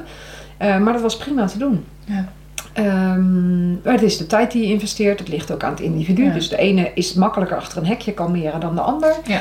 Eh, dus dat is ook even zoeken. En, eh, Dat is wel heel leuk, want dat, eh, ik zat zeg maar met een burn-out thuis toen ik Kono Ja. kreeg. Mijn Ja. eerste eigen pup van huis uit Leeuwenbergs altijd gehad. En West Highland White Terrier is echt een perfecte combi. ja. En ook alles mee gezien dat ik nou denk, oh dat was Ja. echt niet leuk. Die, die Westie bijvoorbeeld, die zat dan onderaan de trap. Want mijn zus die had samen gewoond, dat ging over. Maar ze had wel een kat en een hond. En de hond ging met hem mee, de kat kwam terug naar huis. Ja. En die Westie kon helemaal niet meer katten. Dus dan leefde de kat boven, en de Westie ja. beneden. We hadden een open trap. Dus dan zat die Westie gewoon daar zo. Op naar die trap. Of die kat misschien op de tree kwam. En dat vonden wij allemaal hilarisch. En nou Ja. denk ik, oh dat was erg, ja. echt heel zielig. stress, Ja. Maar goed, dus ik zat thuis op het moment dat we Kono kregen. Dus ik heb, ja, wat jij zegt, ik zat dus bij die kussentjes Ja. telkens te zeggen, dat hoeft niet, schat. Nee, Ja, dat hoeft ook niet. Nee, Ja. dat ook, nou weet je, gaan we even in de bench. Gaan we je kan het blijkbaar niet. Nou, Nee. zo. Ja. En dat is gewoon echt wel, denk ik, heel zinnig geweest dat ik thuis was. Superzinnig, ja. Ja, Eigenlijk Ehm, zou iedereen die tijd moeten hebben om ja. pup op te Nou, voeden. dat blijkt Het is dus niet realistisch. nee. Maar ik heb dus Kono echt stoïcijns. Hij werd groot, dat zag ik al meteen. Hij is Ja. gewoon 55 kilo. En ik had echt één wens en dat was dat hij niet zou springen tegen bezoek. Dus ik was ook heel erg mijn bezoek aan het opvoeden. Zo Ja. van, kijk hem nou niet aan, loop gewoon door. Ja, echt, ik was echt streng. Dus ze zei, nou, moet dat zo, weet je Ja. En dan liet ik ze zitten aan de keukentafel en dan mocht hij aan de voeten snuffelen. Ik zei, nou mag je hem aaien. Ja. dus dat Ja. was echt zo. Ja. Maar het resultaat is dat als nou de bel gaat of ehm, er wordt geklopt of nou ja, iemand komt binnen, loopt hij naar zijn plek, daar gaat hij liggen. Totdat iedereen zit, iedereen drinkt koffie, thee, jassen uit. En dan zeg ik, kom maar. En dan Mhm. komt hij soms wel, soms Ja, niet. precies. Ook geen behoefte aan. soms. Nee, Ja. en dat is pronkelijk Heerlijk. Ja. hebben we dat zo gecreëerd. Maar dat vind ik Eigenlijk gewoon wil zo iedereen fijn. dat. Ja, Alleen iedereen verwacht dat ze het kunnen krijgen vanuit een springende pup. ja. Nou ja, en ik had een briefje op de deur. Duurt even, Ja. want ik, ik stond ook niet meteen op als er Nee. geklopt werd. Ik bleef heel even zitten, even contact met hem. Ja. Dat we even een plan gingen maken en dan pas liep ik naar de voordeur. Maar ik had die tijd toen. Ja. En ik had heel helder voor mezelf wat ik daarin wou. Ja. Ja. dat is dan toevallig ook gelukt. ja, precies. Ja, maar dat, zo werkt het ook. Ja, ja. Dus het kan gewoon, en, Zeker. maar niet zomaar. Nee, het gaat niet vanzelf. Want bij mij lagen de kongen dus klaar in de koelkast. Ja. dat als er iemand precies. onverwacht zou zijn, dat ik ready was. Ja. En dat is die actieve houding. Actieve houding. Die- Echt die je zorgen wel dat je altijd wat hebt. Ja, ja. En dat is ook, het vergt ook. Ik heb het zelf ook. Ik weet wanneer er iemand gaat komen. Normaal gesproken, mensen lopen niet zomaar hierachter. Ehm dus ik zorg dan inderdaad dat ik het ontbijt later Ja. geef. Want dan heb ik de gevulde kongen klaar. Ja. En dan krijgen ze dat. En dan, dan heb je het onder controle. Ja. Eh, of met kluiven of wat dan ook. Maar ja, zorgen dat je het al klaar hebt in de koelkast voor Ja. elke dag. Dat is iets wat, eh, Ja. wat mist. Ja. En meerdere hebben. Ook weer zoiets. Hè? Niet één, maar gewoon heel veel. Ja. Zes of zeven van die dingen klaar hebben, zodat je altijd iets hebt. Ja. Wat Ja. iets klaar Ja, ligt. en zeker. ja, dan maar alleen maar eten daaruit, dat is prima. Ja. Maar dan heb je altijd iets klaar. Ja. Ja. Ja. we begonnen er dus straks al, eh, of we hebben het er net al kort over gehad. Het ehm, stukje castreren. Zei, Ja. gebeurt wel eens eh, te vroeg. Kun je daar iets over vertellen? Ja, ehm, ik, ik denk wel dat de meningen ook onder de dierenarts verdeeld zijn. Want niet elke dierenarts castreert heel jong. Ehm, ik zou het nu op 50-50 zetten ongeveer. Misschien is het een iets ander percentage, maar voor het gemak even 50-50. Ehm, wat ik merk aan mensen is dat ze vragen... hij is zo lastig, hij is zo vervelend, hij snuffelt alleen maar, hij is zo druk... Eh, en hij vindt spelen niet meer zo leuk, hè? want dan krijg je dus die conflicten, vooral bij de reuien. En tevens vindt het op een gegeven moment ook minder leuk voor de volwassenen. Ehm, dus dan ga ik hem maar laten castreren, want dat lost dat allemaal op. En dat is denk ik de misvatting. Castreren is alleen maar een echte oplossing om hem onvruchtbaar te maken. Maar het is niet de oplossing voor gedragsproblemen. En daar wordt het nu voor ingezet. En ik denk dat we daar, dat is ook weer de gemakzucht van de maatschappij. Ehm, ja, dan halen we dat maar weg en dat zal alles wel oplossen. En het lost het gewoon heel vaak niet op. En ja, dat ze rustiger worden, worden ze sowieso wel. Tegen de tijd dat ze tussen 2 en 3 zijn, worden ze allemaal rustig. Dus ja, als je een castreert op één, ja, een jaar later is hij wel ongeveer wat rustiger. Dat klopt. Ja. Maar dat heeft niks met die castratie te maken. Die had het ook zonder gekund. En ik Ehm, zie zelfs op korte termijn dat ze drukker worden heel even van de Vaak, narcose ja, ja, en van de, precies. Ze de worden gewoon onwel. Ja, precies. En de onzekerheid. En vaak is het in, in een, puberfase waarin ze al onzeker worden over hun eh, sociale eh, contacten. En, en niet zozeer rangorde, maar wel hoe verhoud ik me tot anderen. En eh, als je die onzekerheid wel hebt en dan zakt ook nog langzaam je hormoonlevel weg en je gaat anders ruiken, je wordt anders benaderd. Ja, ik, ik, ik ben niet zo voor. Ik leef ook met een intacte, intacte reu. Ehm, en dat is prima te handelen. Maar in de puberfase, reuien geeft wel iets meer problemen dan teven. Omdat reuien vaker getarget worden door volwassen intacte reuien. Eh, en ook door jong volwassen reuien. Ik denk dat je getarget misschien even moet uitleggen. Oh ja, eh, dat ze vaak uit worden, ehm, eh, vaak worden ze zeg maar benaderd met de intentie om een conflict te hebben. En dat merk je bij de jonge reuien die net die, die hormoonpiek gaan bereiken, zeg maar, die anders gaan ruiken. Je ruikt het aan de urine trouwens, mensen. Vreselijk. Ehm, maar andere honden ruiken dat dus ook. Eigenlijk moet je het zo zien dat ze met een enorm neon uithangbord op hun rug lopen. Ik ben een jongetje, ik ben een jongetje, ik ben een jongetje. Ja, en dat vinden sommige mannen niet zo leuk. Nee. En daar gaan, kunnen ze op reageren. Eh, en heel vaak gebeurt het dan ook dat ze in conflict komen met een andere intacte reu. En de ene wordt daar onzeker van, gaat misschien van tevoren snappen of gaat weglopen ervan. En de ander denkt, what the fuck? Dat gaan we gewoon niet doen. En die begint zelf al. Omdat, en ze zijn al hoger in de cortisol in de Ja. puberteit. Ze hebben al meer stresshormoon. Standaard, alle pubers. Mensenpubers ook. Alle pubers hebben hoger cortisol, standaard. Eh, het is echt een hele andere fase. Ze worden emotioneler. Amygdala eh, eh, wordt wat... Naar verhouding wordt niet heel, maar wordt verhouding wat groter, waardoor er meer prikkels doorheen gaan. Ze zijn emotioneler. De prikkels komen heftiger binnen. Eh, Daar moeten ze nadenken- zelf ook aan wennen ja, nadenken over dingen. Dat pubers zijn bij pubers heb je vaker zoiets van... Why? Waar, wa- wa- wanneer lijkt dat een goed idee? Ja. Maar als je gaat kijken naar pubermensen... heb je precies hetzelfde. Ja. Hoe heb je bedacht dat dit een goed idee was? Weet je, als je Ja. dacht uit... Ja, weet ik eigenlijk niet. Nee.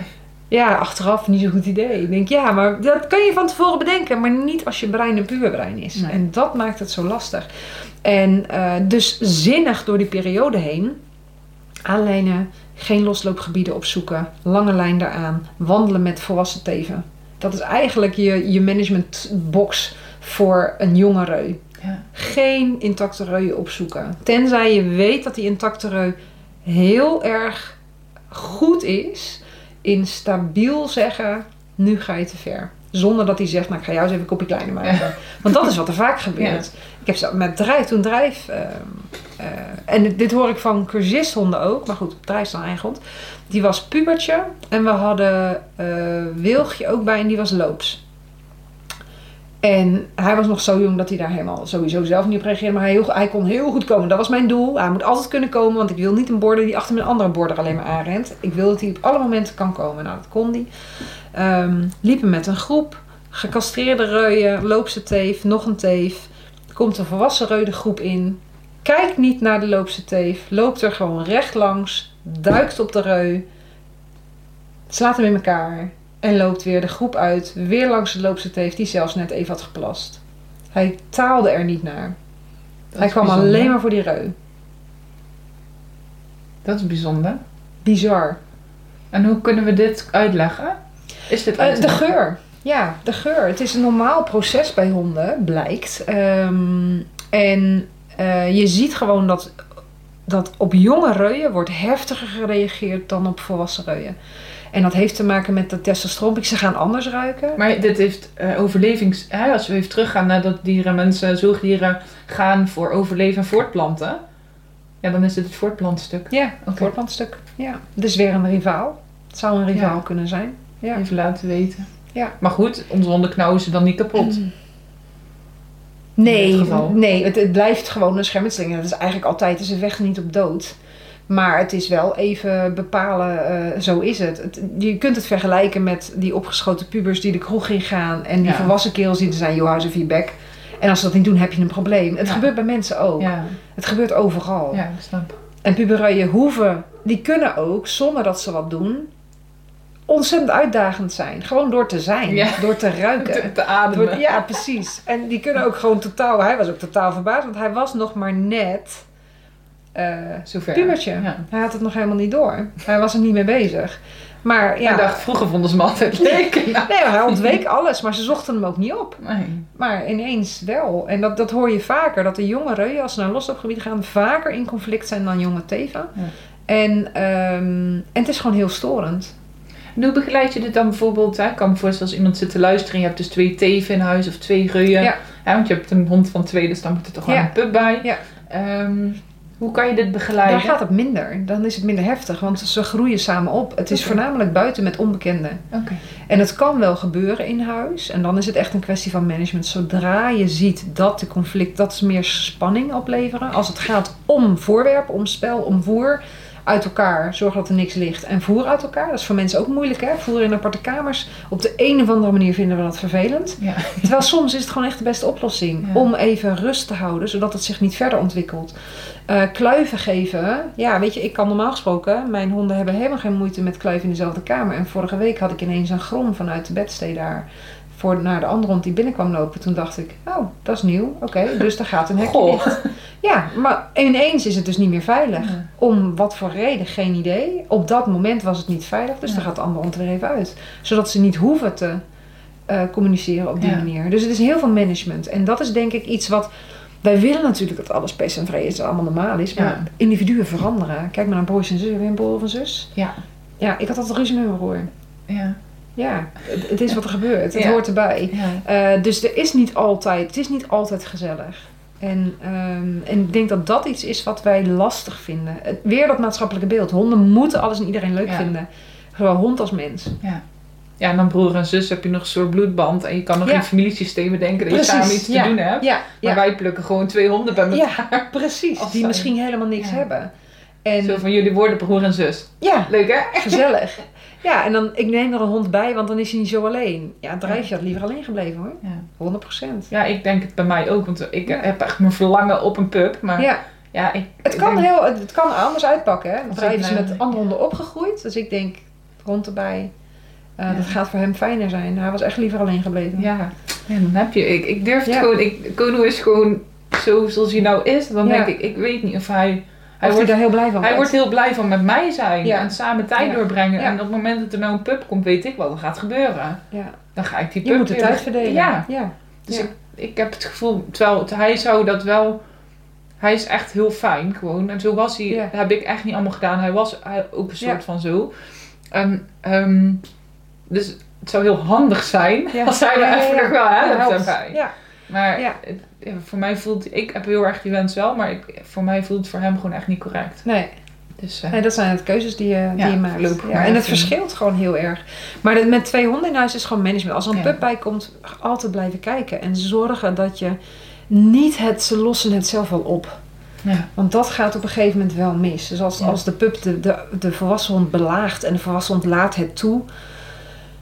Ja, weet je, het is niet een, een, een rangordebepaling. Het is alleen maar goed. iets- Oh nee, hij is gewoon asociaal. Ja. Dat moet hij gewoon niet doen. Klaar, hij hoeft het ook niet te doen. Nee. Hij hoeft niet continu op die ander te springen en erin te bijten. Omdat hij het zo leuk vindt. Nee, en plus als je dan een soort van even je pup dat uitlegt, dat jouw oudere hond denkt bedankt. Ja, fijn dat jij precies. dat even ja, doet. en ook vervolgens geen conflict gaat hebben. Want dan loopt hij vervolgens naar jou toe, los op. Ja. heb ik het hier ook. De, de woorden die gaat dan zitten met een blik naar mij. Hij doet het weer. Ze doet het weer. Nou, en dan gaan we de herder weer managen. Ja. Dus, maar je geeft ze inderdaad een, een stem. Ja. Zonder dat ze zelf iets hoeven te doen waar ze niet blij van worden. Ja. Kijk, als hij netjes had willen corrigeren, die ene hond, dan had hij het wel gedaan. Maar Ja. als hij niet kan of niet weet hoe die moet corrigeren, of het zich gewoon heel naar voelt bij correctie. Sommige mensen kunnen het ook niet, hè? Je hebt je ook wel eens cursisten gehad waarschijnlijk die zeggen, ja, het voelt zo naar om nee te zeggen. Ik, ik kan gewoon niet streng zijn. Ja, dat zit gewoon niet in je. En dat hebben sommige honden net zo. En dan moet je dat gewoon voor ze managen. Dat betekent niet dat die pup asociaal mag blijven. Die pup moet nog steeds leren hoe het wel moet. Ja. Maar ja, Ja, management. precies. Actieve houding. Ja. Weer. Weer die. Weer die, weer die mensen. Rondje, rondje weer rond. Ja, ja, actieve houding. hey, en ehm, langs dit alles, daar begonnen we net ook al, eh, eigenlijk begonnen we daarmee. Je hebt ook een boek geschreven. Ja. Dus Naast de Ja. eh, instructeur eh, ben Ja. je ook schrijver. Ja, ja. Wil je daar iets over vertellen hoe dat is ontstaan en gegaan? En... Ja, het is ontstaan is echt ehm, eh, heel veel met Martien. Mijn ehm balans coördinatie was een deel. Eigenlijk, dat was eigenlijk het voornaamste deel waar het om ging. En de balans bij mij gestart al pratend met ehm, de fysiotherapeut, eh hydrotherapeut Monique van Weren eigenlijk. Met Pippa, daar ging ik altijd zwemmen met haar voor, haar gestel. En daar kwamen dus ook cavaletti oefeningetjes bij. Nou, en toen kwam er een, was zo van ja oké, maar weet je, dit is eigenlijk ook wel goed voor jonge honden. Toen kwam er een pup, Blissje. En ik wilde obedience met haar doen. En, dus ik ging een training doen, online, eh, eh, met, eh, eh, bij Kay Lawrence. En daar hadden we dus over voorbereiding van de jonge hond. En heel veel van die dingen kwamen ook uit dat stukje fysiotherapie. Wat ik al met Pip had gedaan. Dus kijken naar het lijf, hoe beweegt ze. En op een gegeven moment hebben we Pip ook de keuze gemaakt. Weet je, zwemmen is nu belastender dan dat het er wat oplevert. Dus we gaan ook stoppen daarmee. Dus bepaalde oefeningen doen we dan wel, maar dat zwemmen werd gewoon te veel. Dus je krijgt, kreeg heel veel inzicht in lijf en waar je nou moest, naar moest kijken.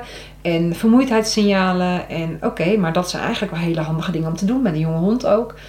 Dat heeft zich zeg maar uitgediept. En op een gegeven moment, daar was ik dus al heel druk mee met de balanscoördinatie.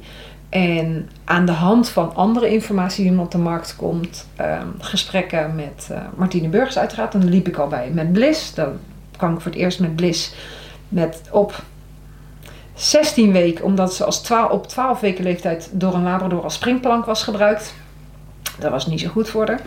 Eh, dus toen was ik naar de osteopaat. Nou, dat was Martine. Toen heb ik Martine leren kennen. En eh, nou, sindsdien dus eh, veel contact mee gehad. En daar ook weer heel veel zitten kletsen over lijf en wat je nou kunt doen. En die combinatie van, oké, als het misgaat met een lijf en wat heeft een lijf nodig om gezond volwassen te worden, dat speelde mee. Nou, dat had dus ook te maken met balanscoördinatieontwikkeling. En op een gegeven moment was er informatie in de markt. Waar hadden we het dus over? Ik had het gelezen. En toen ik heb nog wel eens een mening. Ik spuie hem meestal niet, alleen als mensen naar vragen, maar met bepaalde mensen wel. Heb je leuke gesprekken. En toen was het van, nou, zei Martina, je hebt nogal een mening erover, dus waarom ga je zelf geen boek schrijven? Dus. Oké, dus. Maar dan moet jij het lijfstuk doen, want ik ben geen therapeut. Ik ben nu wel met fysiotherapie bezig, maar Toen eh, toen zeker niet. Ik was trainer en ik, ben ook, ik vind ook dat je je moet houden aan datgene waar je goed in bent. Ja. Je moet niet als therapeut ineens trainer worden als je niet daar je meer in verdiept en andersom ook niet. Ja. En dat geldt eigenlijk voor alles. Weet je, eh, ik ben ook geen hersenchirurg. Ik ga ook niet. eh, Weet je, iedereen doet waar hij goed in is en wat hij leuk vindt. Dus toen zijn we samen dat boek gaan schrijven. Dus het was eigenlijk een beetje een vloek. Eh, zo van ja, ik vond iets niet goed genoeg. Ja, en dan eh, ga je dat maar doen. Dus het Ja. is een beetje een. eh, een we, we hebben een mening, dus ja, laten we hem Ja. dan ook maar op papier gaan schrijven. Ja. En we waren al bezig met Hond Co. scheurkalender en agenda. Die wordt dit jaar door eh, ehm, Mirjam Kooi gedaan, homeopaat, waar ik dus ook met mijn honden loop. Dus dat is ook wel weer heel erg leuk. Dus nog steeds de moeite waard om, om te kopen. Maar die uitgever, die, ehm, ja, daar hebben ze bij mee gaan praten. Van ja, hoe pakken we dat eigenlijk aan? En eh, we hadden bedacht één boek. Nou, het werden er uiteindelijk vier. Maar Want toen hadden jullie nog niks geschreven toen niks. de nee, we gingen weg met een eh, contract voor, eh, voor meerdere boeken. Oh, echt? Ja. ja, want we hadden zoiets van ja, puppy. En dan moest natuurlijk heel veel in. Maar jullie vertelden dan globaal wat er in dat boek Ja. moest gaan Ja. komen. Ja, en hij was helemaal enthousiast. Oh? Ja, weet je wel, hij had natuurlijk twee professionals die hij al in had gezet Ja. voor de agenda en voor de scheurkalender. Dus hij had zoiets van, ja, goed verhaal. En twee mensen die weten waar ze het over hebben, dus eh, doe maar. Ja. Ja, was een super mooie kans. En toen werd jij schrijver en je ging Ja. typen Ja. en dat zat geen Ja. weerstand, jij ging gewoon Ik typen. ging en- gewoon werken. Ja, ik was wel wat later. Martine die is wat meer van de deadlines dan ik. Eh, dus ik was echt tot op de laatste dag nog aan het schrijven. Ehm, en inderdaad fotoshoots organiseren en scripts schrijven voor de fotoshoots. En, maar het is allemaal in een hele korte tijd. Want we, we hebben toen in november of december het gesprek gehad. En onze deadline was juni. Oh. En je bent Dus helemaal we- geen schrijver in Nee. principe. Nee, helemaal niet. Oh, dat vind ik heel fascinerend. Ja, nee, dat merk je wel hè. opschrijven zoals je het in de lessen vertelt. Dus ik heb Ja. het wel echt zoals ik het in de lessen ook doe. Want ik heb Ja. ook mensen die hebben het boek. En zeggen ze, oh, Ik hoor je praten. ja, echt geweldig. En dan denk ik, nou, dat is ook eigenlijk het idee. Het idee Ja. is, en een stukje set is niet alles in één keer. Je, Nee. je kunt gewoon kopjes lezen. Ja. En gewoon dat uitzoeken wat je wil. Kijk, die, die eerdere hoofdstukken in al die boeken moet je eigenlijk helemaal doorlezen, vind ik. Want dat is gewoon achtergrond. Maar je kunt ook gewoon zeggen, nou, ik pak de laatste hoofdstukken van elk boek. En dan ga ik gewoon allemaal oefeningen doen. In principe kan het. Ja. En elk stukje, je hoeft niet alles te lezen van dat hoofdstuk. Je Ja. pakt gewoon eruit wat je nodig hebt. Maar dat boek kwam voor mij, want wanneer is dat eerste boek Dat is uit? nu al zes jaar, zeven jaar geleden. Ja, dus dat is in de periode dat ik afstudeerde als kinderloos instructeur. Dus ik kreeg dat boek toen dacht ik echt, ho, hou, Ja. houdt iemand me tegen? Dus in mijn beleving, Ja. zeg maar voor jou, was dat heel groot. Ik Ja. weet ook niet, er zijn toch ook heel veel boeken verkocht? ja, er zijn heel veel boeken van. Ja, dat was ook groot, toch?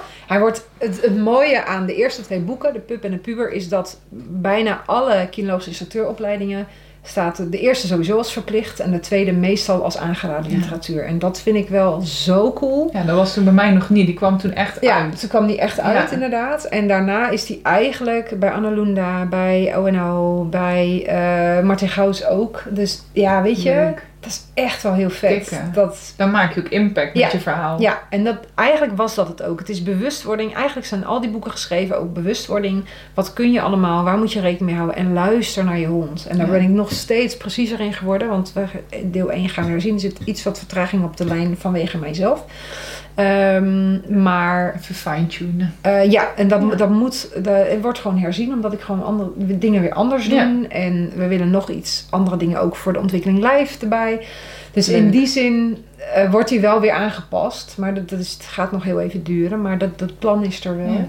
Ja. Maar dan Ehm, kennen in één keer veel mensen je. Ja, heel bizar. En dan? Ja, maar het leuke is dat dus mensen op les komen met jouw boek in de tas. En dat ze niet weten waar ze, van wie ze les krijgen. Dus dat vind ik dan ook wel heel... Ja, ik vind het, ehm, ik vind het superleuk. En wat, wat ik zo leuk daaraan vind, is dat mensen anders gaan kijken naar hun honden. En anders gaan kijken naar hun lessen. Ja. En dat vind ik het gaafste. Ik, ik, het gaat me niet om dat ze mij per se herkennen. Ja, dat zou je bijna niet zeggen met dat rode haar. Maar eh, ik ben redelijk... Ik kan heel druk zijn, zeker als ik les geef. Maar verder ben ik niet zo'n enorme Nee. schreeuwert. Ehm, dus ja, het was gewoon heel bijzonder. Maar vooral bijzonder dat mensen echt anders gaan kijken. En dat vind ik zo gaaf. Ja. Kijk, ik, het is niet allemaal, weet je, het kan ook echt wel dingen in staan waar je het niet mee eens bent. Helemaal prima. Ja. Eh, en er, zijn, er worden elke jaar honderden puppyboeken uitgegeven. Dus in die zin, weet je, een ander supergoed puppyboek is van eh, Steve Mann uit Engeland. Easy Peasy Puppy Squeezy. Kan ik iedereen aanraden, geweldig.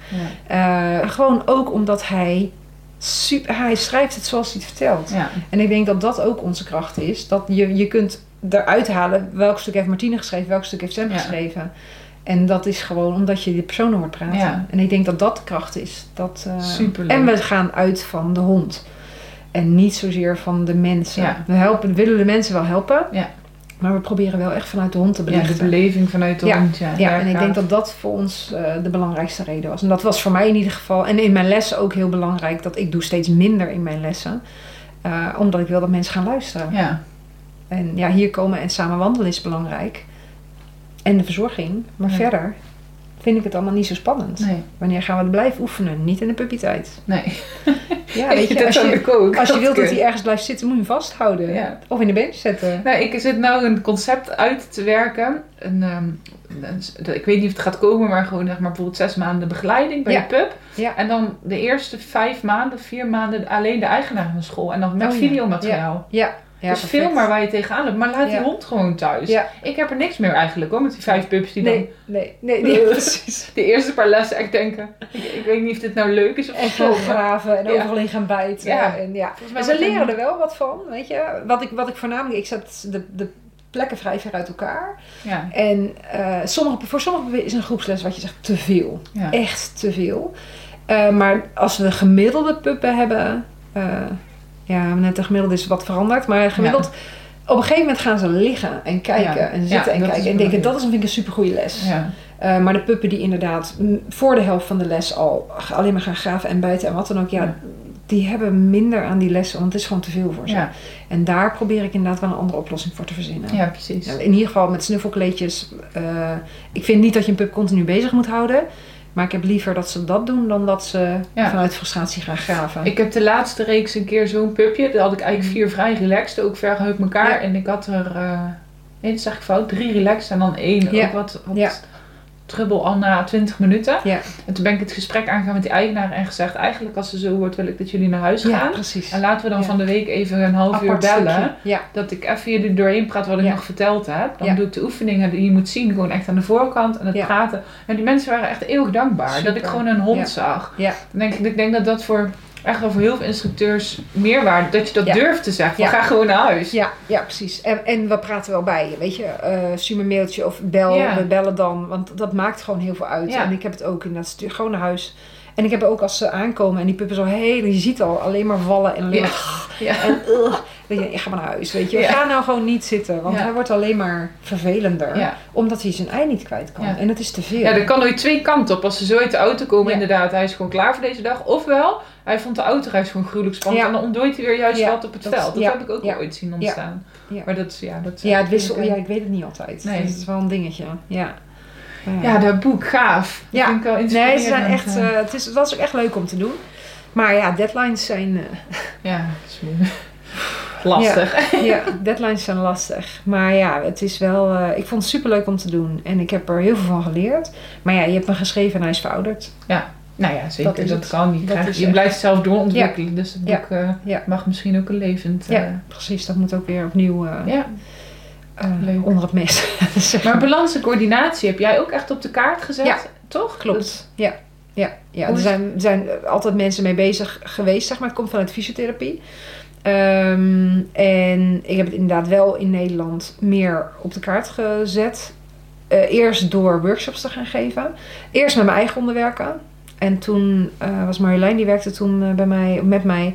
En die ehm zei, ja, eigenlijk moet je hier gewoon workshops van maken. Want dit vindt iedereen leuk. Want met haar honden deden we het dan ook. En toen dacht ik, ja, oké, gaan we doen. En als ik nu denk hoe ik dat tien jaar geleden deed, met vergeleken ook met nu, dan denk ik, oh, wat erg. Ehm, totaal niet luisteren naar de honden. Wel kijken naar het lijf. Nee, je had niet- gewoon een workshop bedacht. ja, dan ging niet je luisteren naar wat de honden zeiden. En wel kijken naar waar zit het niet goed in het lijf. Dus ik ging steeds meer ging ik zien. Eh, en langzaamaan is dat wel echt uitgelopen tot ehm, bij mij staan honden niet zo heel vaak meer op balansballen. Terwijl ik dat bij andere mensen nog wel heel veel zie. En vaak ook meteen in een eerste of in een tweede les. Ja. Eh, maar ja, het is nu veel breder. Het gaat echt om je lijf leren kennen. En vooral de mensen ook leren kijken. Wat is belangrijk? Welke lijnen moet je opletten? Hoe, hoe staan ze gebalanceerd? Als ze niet gebalanceerd staat, willen we dat dan extra stimuleren door het moeilijker voor ze te maken? Of willen we ze eerst leren dat het anders kan? Uiteraard zit daar bij sommige honden absoluut een osteopathische check bij. Ja. Eh, dus als een hond op een bepaalde manier beweegt of aangeeft ongemak of pijn te hebben, dan ga ik ook niet verder met die hond totdat ze zijn nagekeken. En dan kunnen ze maar zo naar een andere hondenschool en het wel gaan doen. Maar bij mij mogen ze niet meer eh, in de les. En wat is een heel duidelijk ongemak wat je heel vaak ziet op straat gewoon? Dat jij rijdt en dat je honden ziet lopen. Wat Bijna alle honden lopen niet regelmatig. Ga maar, ja, ze lopen bijna allemaal onregelmatig. Nou, ik kom dus uit de paarden. Ja. Ja. Ik kwam dus in de honden. Ja, dat ik echt ja. dacht... Waarom lopen ze allemaal zo? Ja, Ja. wat is Nou, als je uit de paarden komt, dan, dan zie je dat. Ik kom ook uit de paarden. En daardoor heb je daar ander, kijk je daar anders naar. En in de honden is het gewoon. Mensen zien het niet, maar mensen leren het ook niet. Mensen leren het nu steeds meer, gelukkig. En ik leer het ook mijn, mijn mensen in de les en ook bij de puppy. Dus als hij op een bepaalde manier gaat liggen, of niet wil liggen ineens, of niet kan meer, weer meer gaan zitten, of gaat meteen liggen. Allemaal signalen om te denken: weet je, hij moet misschien even nagekeken worden. Want je hoeft geen therapeut te worden als instructeur. Nee. Maar je kunt wel aangeven, ik denk dat ik toch even, weet je, naar, of naar een osteopaat of naar de dierenarts. Kan Ja. ook, hè. Soms Ja. is de dierenarts wel zinnig. Ja. Niet altijd, maar soms is de Maar er lopen heel weinig honden goed. Ja. Waar zit het hekele punt meestal? Heel veel in de rug. Dus eh SI-gewrichten, heel veel eh echt rugproblemen. Dus dat er eh, vanuit de jonge honden spelen, ehm, het met elkaar spelen, kan soms met zo'n geweld gaan, met zo'n jong lijf. Er is niks mis met het spel aan zich, maar ze hebben de spiermassa en kracht niet om hun lijfje recht te houden. Daarom hebben wij allemaal eigenlijk na je dertigste, nou, ik zeg altijd na je veertigste, maar na je dertigste begint eigenlijk al dat je wat stijver wordt. En dat je denkt, nou weet je, het eigenlijk, zit eigenlijk niet zo lekker, ik ben niet meer zo flexibel. Komt allemaal uit jonge leeftijd vaak, omdat we niet nagekeken zijn toen we jong waren.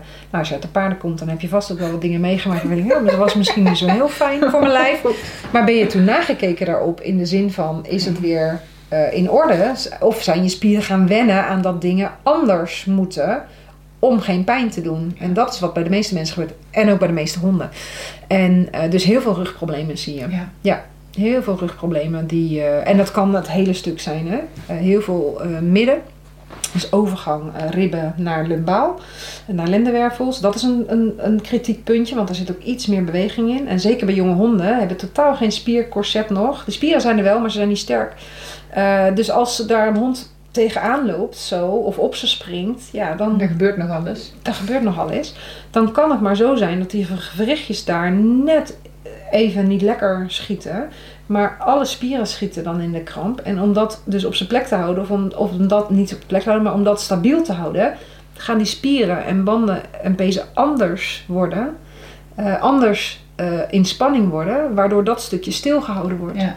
Ja, en, en dat bouwt zich op. Ja. Maar bijvoorbeeld ook honden met enorm eh, buikproblemen, dus de Giardia hondjes, Ja, heel veel buikpijn, heel veel diarree, krijgen ook rugproblemen omdat ze zo gaan lopen de hele tijd. En in hun ontwikkeling zeker gaat dat lijf dus anders staan. Ja.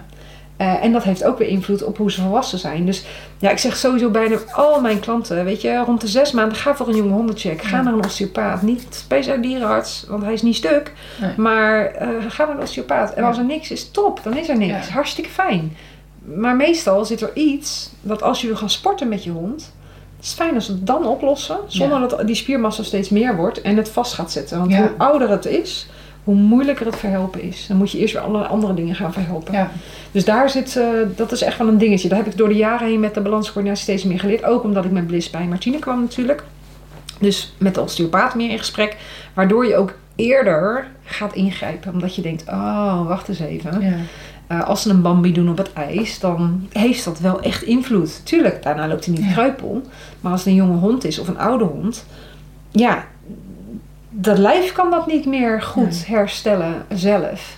Maar als je dan je jonge hond toch het spelgedrag gunt, hè, Ja. want het is zo leuk, dat, dat Ja, is ook Zeker, gewoon leuk. is ook leuk. Dus Ja. je kiest al gericht, hè, bijvoorbeeld dezelfde gewicht, dezelfde grootte. Je denkt daar als eigenaar bewust Hetzelfde type spel helpt ook. Dus als ze type. allebei boksen, als ze allebei tegen elkaar aanspringen, dat is makkelijker dan dat er eentje liever niet heeft en de andere er doorheen gaat als een soort van eh, stormram. Want die zijn dan Ja. al een beetje meer aan het verwachten dat het gebeurt. Dus Ja. het type spel is heel belangrijk. Dat je daarop selecteert Ja, dat je daarop selecteert. Oh ja. Dus de, de, de, de renners niet zozeer met de, met de Nee. stormram, want dat heeft geen zin. Want die zetten zich niet schrap. Nee. Dus die laten zich gewoon Ja, volledig ik zeg altijd de backvechters. En Ja. weet je wel, de rouwdown Ja, backvechters noemen, Ja. omschrijf ik Ja. het altijd. En het op en neer rennen Ja, met elkaar. precies. Dat zijn wel Ja. echt twee Ja, verschillende echt spellen. verschillend spel. En dat rennen en, en, en, en lijfcontact gaat niet samen. Nee. Die zijn ook Terwijl niet in soms zie staat je op te pupjes wel zeg, Spel aan- veranderen. ja. Zeker, ja, dat kan ook. zich Ja, aanpassen. kan ook, zeker. Degene Ja. die ze tegenover zich hebben. kan ook zeker, maar Ja. het is niet allemaal. Volwassenen Nee. kunnen dat iets beter, vaak Ja. als ze goed kunnen spelen. Maar ja, gewoon standaard een check. Ja. Kijk, idealiter, ieder kwartaal. Ja. Ehm, ik ben geen osteopaat, geen ik verdien er niks aan. Eh, twee keer per jaar is eigenlijk het minimum als je actief bent Ja. met je hond. En als je dan echt maar één keer per jaar wil, doe dan in ieder geval één keer per jaar. Ja. Dus je, iets meer behandeling dan, eh, dan anders. Maar ja, idealiter twee keer per jaar het minimum. ja. ja ik, maar elk kwartaal zou het mooiste zijn. ik heb eh, zo'n eh, hond met zo'n rug en Ja, vroeger nou ja, verkeerd gespeeld. ja. En, Ja. En sommige honden kunnen gewoon niet voorzichtig zijn met hun lijf. ja. Die leven hier. En dat lijf is er. Ja. Maar die denken er niet over na en het boeit ze niet. En die eh, zeggen, oh, moet ik tegen de muur aanspringen? Goed, met mijn hoofd, met mijn kont, zeg maar. dat je echt denkt, niet uit. jongen, Nee. let nou op je lijf. Ja. Eh, dus die heb je. Je hebt Ja. kamikaze pupjes, je hebt kamikaze honden, die heb je. Je hebt honden die totaal niet nadenken over de consequenties. Nee. Het interesseert ze niet, want wij bent met, met wat mensen aan het doen. Ja. En ehm, een vriendin van mij die heeft het ooit uitgelegd. Het verschil tussen een Aussie en een border in, in de frisbee. Is dat als een Aussie hem eh, te hoog vindt of tegen de bakrand aan zich gaan, zegt hij, "Mhm, doe het lekker zelf. En een border collie zegt, Ja. hem! Ja, hem. ja, precies. Ja. En dat denk ik wel. De honden die. die ehm, en dat, dat is ook wel een stukje waar we op selecteren. Hè. Kijk, het heeft geen nut als je een border collie de berg op jaagt om schapen te gaan halen. Hij heeft een doorn in zijn poot dat hij zegt: Ik heb een doorn in mijn poot. Ja. Hij moet doorlopen. Ja. Dus we selecteren Ja. ook op hardheid. Als je eraan denkt. We selecteren op hardheid. Ja. Ja. Ja. En, en, en doorgaan. En, en eh, doodlopen. Want dat is waar we het meest aan hebben. Ja. Alleen het is voor de hond niet altijd meer functioneel. Nee. Vroeger in het werk wel redelijk, maar nu selecteren we toch wel redelijk door. Ja. Eh, een hond die tegen de muur aanspringt omdat hij een frisbee vangt, is niet normaal. Nee.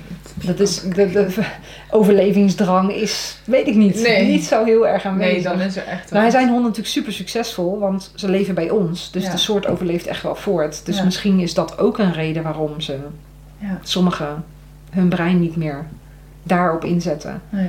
Eh, ze zijn natuurlijk super succesvol. Ja. Ja, zeker. Dat zeker Door met ons te gaan samenwonen. Ja. Succes Super gegarandeerd. wijs. Super slim. Ja, super slim. Als je, ja, het, is niet echt een parasiet, maar ja, ze Nee. maken wel gebruik van ons. Ja. Om als soort echt wat te overleven. Ze hebben echt heel veel concessies moeten doen, dat ook. Ja. Ik bedoel, ze zijn er niet allemaal gezonder op geworden. Nee. Maar als soort Ja. zijn ze heel succesvol. Ja, het is wel grappig om er zo naar te kijken. Ja, evolutionair gezien denk je, Ja. ja, eigenlijk hebben ze dat best wel goed gedaan. Ja. Maar ja, je mag niet kiezen met wie je seks hebt. En je, eh, eh, ja, weet je, en andere dingen ook. Je huid, je kleur, je, je, je, je vel, alles. Wordt beslist. Alles wordt beslist. Ja. En ehm terugkomt op balanscoördinatie. Jij leidt ook instructeurs op Ja, om balanscoördinatie Ja. les te mogen Ja. geven. Het was na de eerste twee jaar balans- en coördinatieworkshops geven, dacht ik, gaat niet goed. Want iedereen gaat het doen. En toevallig, omdat ik inderdaad heel veel met de fysiotherapeut, met de osteopaat daarmee mee bezig was. En het vanuit het welzijn voor de hond ging kijken van hoe kunnen we ze sterker maken. Ja. Eh, en ik ging ook steeds meer kijken naar, oké, die loopt echt niet lekker, dus dat gaan we niet doen. En oeh, dat, dat vindt hij toch echt niet fijn. Ik ging steeds meer zien. Ik ging, ik ging steeds meer zien en toen dacht ik, misschien is het wel handig om mensen daar iets meer bewust van te maken. Omdat het, het was gewoon een hype. En dat is het nog steeds wel. Eh, en natuurlijk, er zijn ook geen regels voor, dat klopt. Maar ehm, ja, het, het doel is niet zet ze op een bal. Het doel is hoe kunnen we hem zo begeleiden dat hij sterker wordt in zijn lijf. Ja. En ik denk dat dat, dat het is eigenlijk een soort van bezigheid geworden destijds. En toen dacht ik, dat gaan we anders doen. Ik Ja. wil het op een bepaalde manier. En de, de cavalettis waren zo hoog voor alle honden dat ik denk, echt gewoon echt niet oké voor een spaniel om zo over die dingen heen te moeten.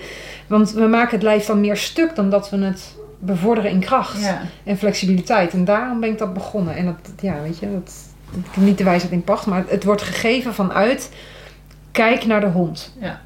En als de hond nee zegt, dat is tegenwoordig ook een hele grote les. Als die weigert, twee keer achter elkaar, dan is het een nee. Ja. Waarschijnlijk weet hij al dat het niet fijn is, of dat hij het niet kan, of dat het niet goed staat. Of Ja. dat hij pijn geeft hij misschien wel aan, ik heb pijn in mijn lijf. En sommige werkrassen, die gaan dan toch nog door. Dus dan moet je nog beter kijken. Ja, dus bij de instructeurscursus gaat het echt om kijken naar de honden die er dan zijn. En Ja. welke signalen geeft. Dus wat zien we aan het lijf? Hoe zet hij zijn voeten neer? Hoe is zijn rug? Eh, leunt hij op links? Leunt hij op rechts? Waar is zijn hoofdstand?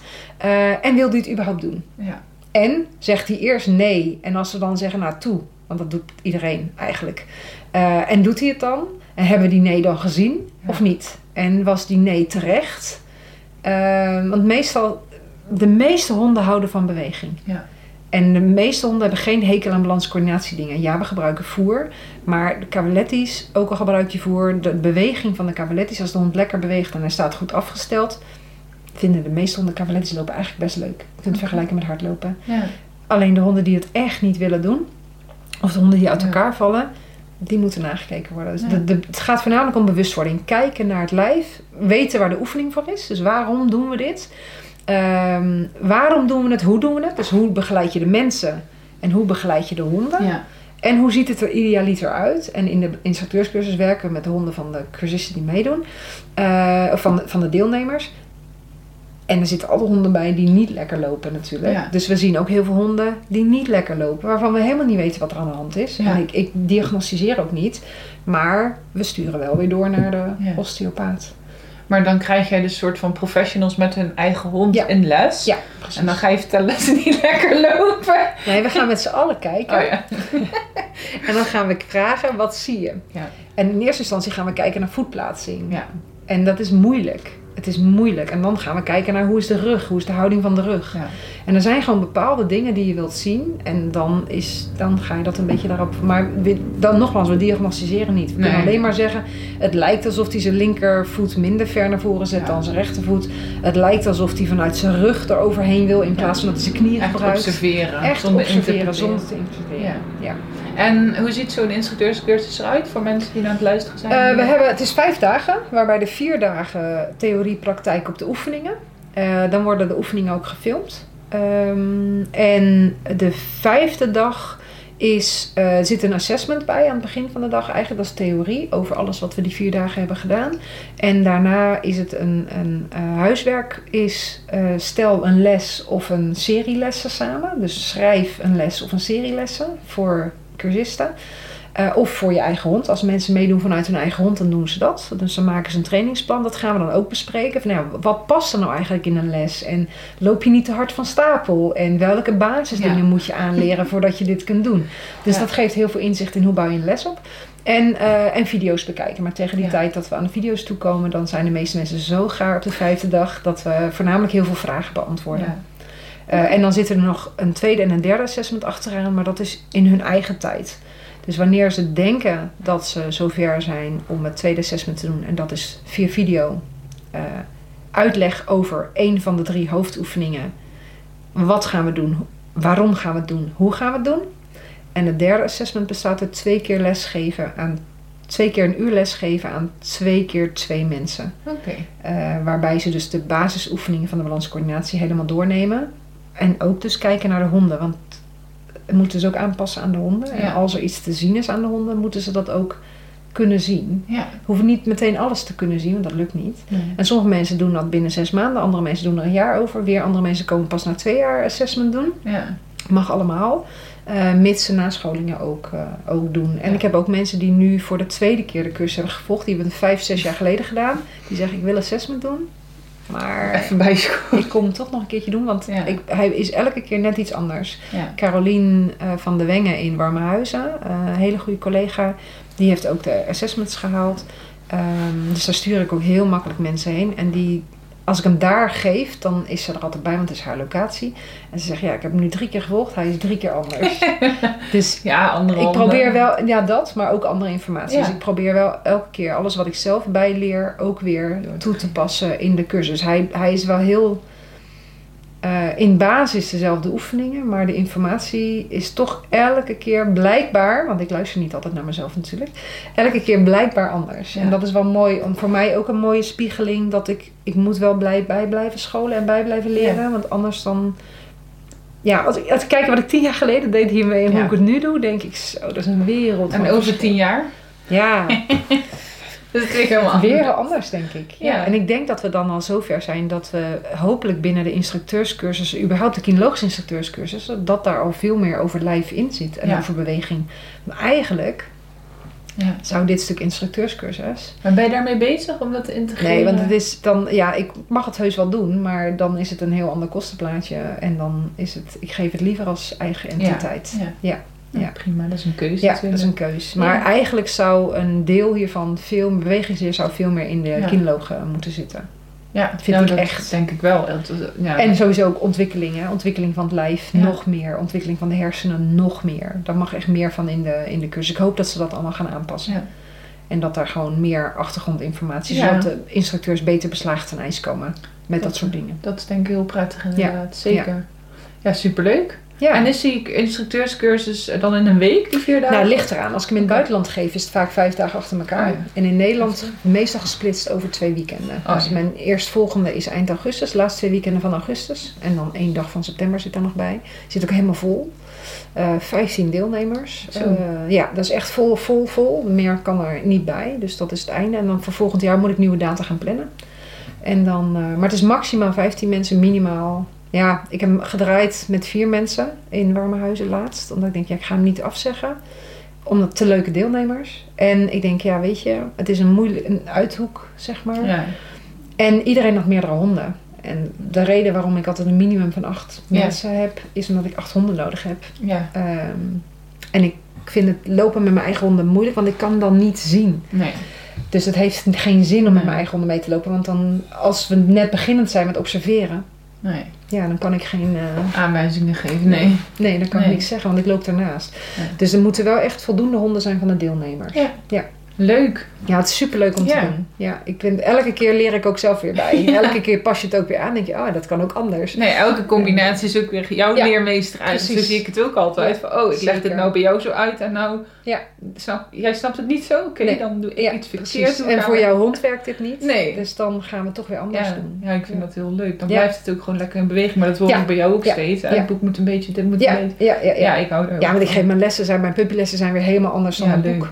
Ja, leuk. Dus dat is echt dat je denkt, oh ja, dat wordt echt tijd. Ja. En, eh, dus, maar ik denk ook dat dat, ik denk dat iedereen dat wel heeft, die nieuwsgierigheid en, en het willen veranderen. En op het moment Ja. dat je dat niet meer wil of kan, of niet meer wil, dat kan, dat kan met, met vermoeidheid en, en ziekte en weet ik wat te maken hebben. Maar als je het niet meer wil, dus als je het alleen maar hetzelfde wil doen, dan is het misschien niet meer je passie. Nee, Dan is het misschien niet meer helemaal jouw ding. nee, nou dat hoor ik bij jou zeker wel. Dat je recht op je passie eh, Ja, nee, ik vind het echt nog wel heel erg Ja. leuk. Ik vind het, eh, eh, het, is, het is vermoeiend. En, en, en vooral met het reizen erbij. Ja.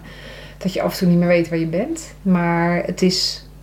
Ja, ik, ik vind het ook heel leuk om erover te praten. Zeg maar, zeker met andere instructeurs. Ik vind het richten op instructeurs gewoon heel erg leuk. En eh, de puppygym komt ook in online. Er zit ook wat vertraging op, gewoon vanwege mijn eigen schema's. Ja. Ehm, en ik even iets meer ruimte nodig had. Eh, maar die komt er ook aan, dus daar ben ik ook nog eh, mee, aan het, mee bezig. Om, dat was, was een dag, zeg maar een workshop en een lezing, maar dat was niet voldoende informatie. Ook weer verandering over de jaren. Ik denk, Ja. dan moet het in tien lessen online. Ehm, omdat je dan veel meer informatie kwijt kunt. ja, leuk. Ja, dus, Superleuk. ja, maar ik denk dat dat ook... Op het moment dat ik...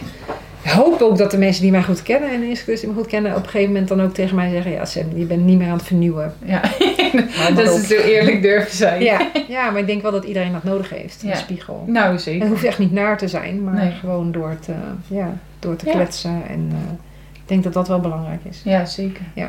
hey, en eh, als je nou kijkt gewoon van de slipketting tot nu. Hè? Ehm, kan je een paar namen noemen die echt inspire- inspirerende personen op jouw pad geweest zijn? Ja, zeker. Kay Lawrence is echt nummer één eh, voor klikkertraining. En, en nog steeds prikkelend. Ik vind het doodeng. Maar eh, eh, het is een aparte persoonlijkheid, maar die weet zoveel. En die vernieuwt altijd. En die werkt alleen maar vanuit de hond. Maar hoezo doodeng? Ja, het is een redelijk, het is een aparte dame. Oh. En, eh, en goed, ik heb haar meegemaakt jaren terug. Natuurlijk, ze zat al helemaal aan het begin van mijn pad, zat zij. Zij heeft mij heel veel geleerd. En, en nog, ze inspireert nog steeds. En ehm, Susan Friedman, gewoon op, op, op, eh, op kennis en op eh, theorie. Eh Ken Ramirez. Eh, ook om hoe die met mensen omgaat. Zo respectvol, zo vanuit de leerling gekeken. Maakt niet uit wat voor diersoort. Ja. Eh, over de afgelopen jaren Chirac Patel. Echt. Nou, als je zo'n goed mens kunt zijn, dat is mijn streven. ja. Dat is echt iets om naartoe te werken. Dat je alles zo liefdevol eh, en kunt doen, maar ook gewoon met mensen met een slipketting of een prikband kunt werken. En ze gewoon de tijd geven om door de weken heen te het. veranderen. Dat is het. Hè? Niet op je strepen gaan Ja. staan, maar gewoon kijken waar kan ik helpen. Dus dat was heel inspirerend, vind ik hem wat dat betreft. Daar heb ik echt heel veel van geleerd. En ehm, eh, ja, Susan Garrett voor spelletjes. Meer spelletjes inzetten. Ja, eigenlijk gewoon de, de ja, standaard grote namen, denk ik. Eh, ja, en dan eh, Closer to Home. Ehm, ja, met Martine Burgers als osteopaat. Gewoon heel veel geleerd over lijf en over voelen. eh, anders kijken. niet altijd vanuit gedrag kijken. Nee, maar, ja. En dat heb ik wel echt heel erg, dat is heel erg veranderd Ja. bij mij. Dat ik daar echt wel... ik ben gewoon echt anders gaan kijken. Ik kijk eerder vanuit lijf nu dan vanuit gedrag. En het is nog steeds hetzelfde. Want Chirac en Susan en ik hebben daar een heel leuk gesprek over gehad op Klikker Expo een aantal jaar geleden.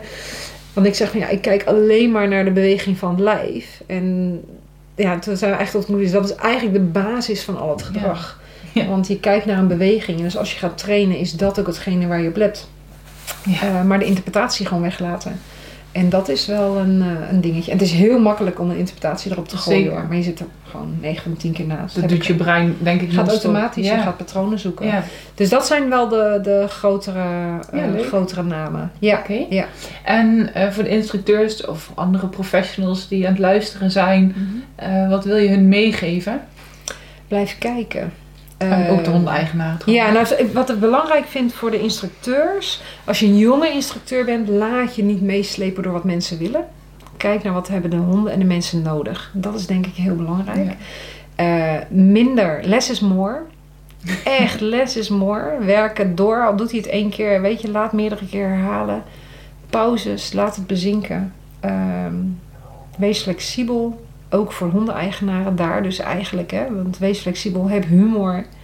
Hij doet het niet, heb ik ook niet altijd. Daar ben ik heel eerlijk in. Dat heb ik echt niet altijd. Maar met sommige dingen, denk ik, als ik een puber of een pup zie, dan denk ik van ja, weet je, het is gewoon zijn ontwikkeling. Ja. En, en, als hij, en ook als je een dag hebt voor jezelf dat het niet gaat, of als je een dag hebt dat je denkt, ah, je neus staat echt niet goed vandaag, ga niet naar buiten. Ja. Blijf thuis. Ja. Zet hem in de auto, rij weg, laat hem plassen, zet hem weer in de auto, rij naar huis, geef hem iets te doen en jij hoeft er niks mee te doen. En het maakt niet uit wie er scheef is, of allebei, het maakt niet uit. Maar ga alsjeblieft niet doen alsof er niks aan de hand is. Het werkt niet. Je gaat zo frustreren. Ja. En ik denk ook dat eh, de afgelopen jaren, eh, nu wordt het al ietsjes minder, maar de druk om heel veel met je honden te doen is enorm hoog. Eh, ik doe dus bijna niks met mijn honden, ligt ook aan mezelf. Maar ik heb heel veel gedaan, maar nooit. Nooit alles. Het hoefde voor mij niet en hersenwerk en klikker en speuren en en en. Dat heb ik nooit gedaan. Ik heb gekeken. Kijk naar wat je hond leuk Ja. vindt. Kijk naar wat je zelf leuk vindt. Want mijn vorige herder wilde heel graag pakwerk doen. Ga ik niet doen. dus we hebben heel veel trekspelletjes gespeeld, maar geen pakwerk. Ehm, dus die, als je ziet dat je hond iets echt super leuk vindt, en al is dat gatengaven, als je, en het is niet vanuit stress, hij vindt het gewoon vet gaaf. Hij kijkt omhoog en hij is gewoon de blijste hond ter wereld. Geef hem een zandbak. Weet je, Ja. als hij dat echt wil, Ja. laat hem dat doen. Dus Ja. kijk naar wat vindt jouw hond fijn. Driffen wil niks anders dan spelletjes spelen onderweg op een wandeling. En nu heeft hij, hij had altijd bedacht, ik laat het speeltje liggen en dan ga ik voor de lopen. En, en dan vragen waar is hij? En dan zei ik, waar is hij dan? En dan ging hij in me en dan was hij helemaal blij. En nu heeft hij, ik heb een beestje in de berm, een nieuw spelletje. Afgekeken van een andere hond. Maar omdat de persoon dan zegt, heb je beestjes? Dacht hij, oh, dat werkt dus ook. Dus als ik dat doe, dan spring ik als een vos in de lucht. Dan toek, toek. En dan kijk ik zo. En dan gaan mensen tegen mij zeggen, heb je een beestje? Nou, vindt hij helemaal het einde. Dus hij is van het spelletjes verzinnen. Ja. Dus ga erin mee. Ja, Wees, ja, laat ze die ruimte hebben. ja, En ik denk dat dat heel belangrijk is. Eh, en niks moet. ja. Ja, weet je, niks, ja, ademen moet. Ja, Ja, en verder, ja, en verder is het gewoon eh, allemaal niet zo belangrijk, denk ik. En zoek op tijd hulp. Dat is misschien ook wel een goeie. Dus als je ergens tegenaan loopt, durf te vragen, zeg maar. Ja, blijf niet te lang tobben. Ja, want het is zo zonde. Ja, Ehm, er zijn er zoveel die kunnen helpen ja, ook, hè? precies. Ja. Ja. en die ook graag willen helpen. Ja. Ja, Nou, dat dat de belangrijkste dingen zijn. Ja, leuk. Ja. Goeie, denk ik ook. hey, heb jij nog zelf iets wat je heel graag wilt delen of nog wil vertellen wat we nog niet besproken hebben of een aanvulling? Ehm, nee, ik denk dat we heel veel hebben. Nou. Ja, have fun. Ik denk dat dat het voornaamste is. Ja, Ja. have fun en niet jezelf verplichten tot iets. En je hond ook niet verplichten tot iets.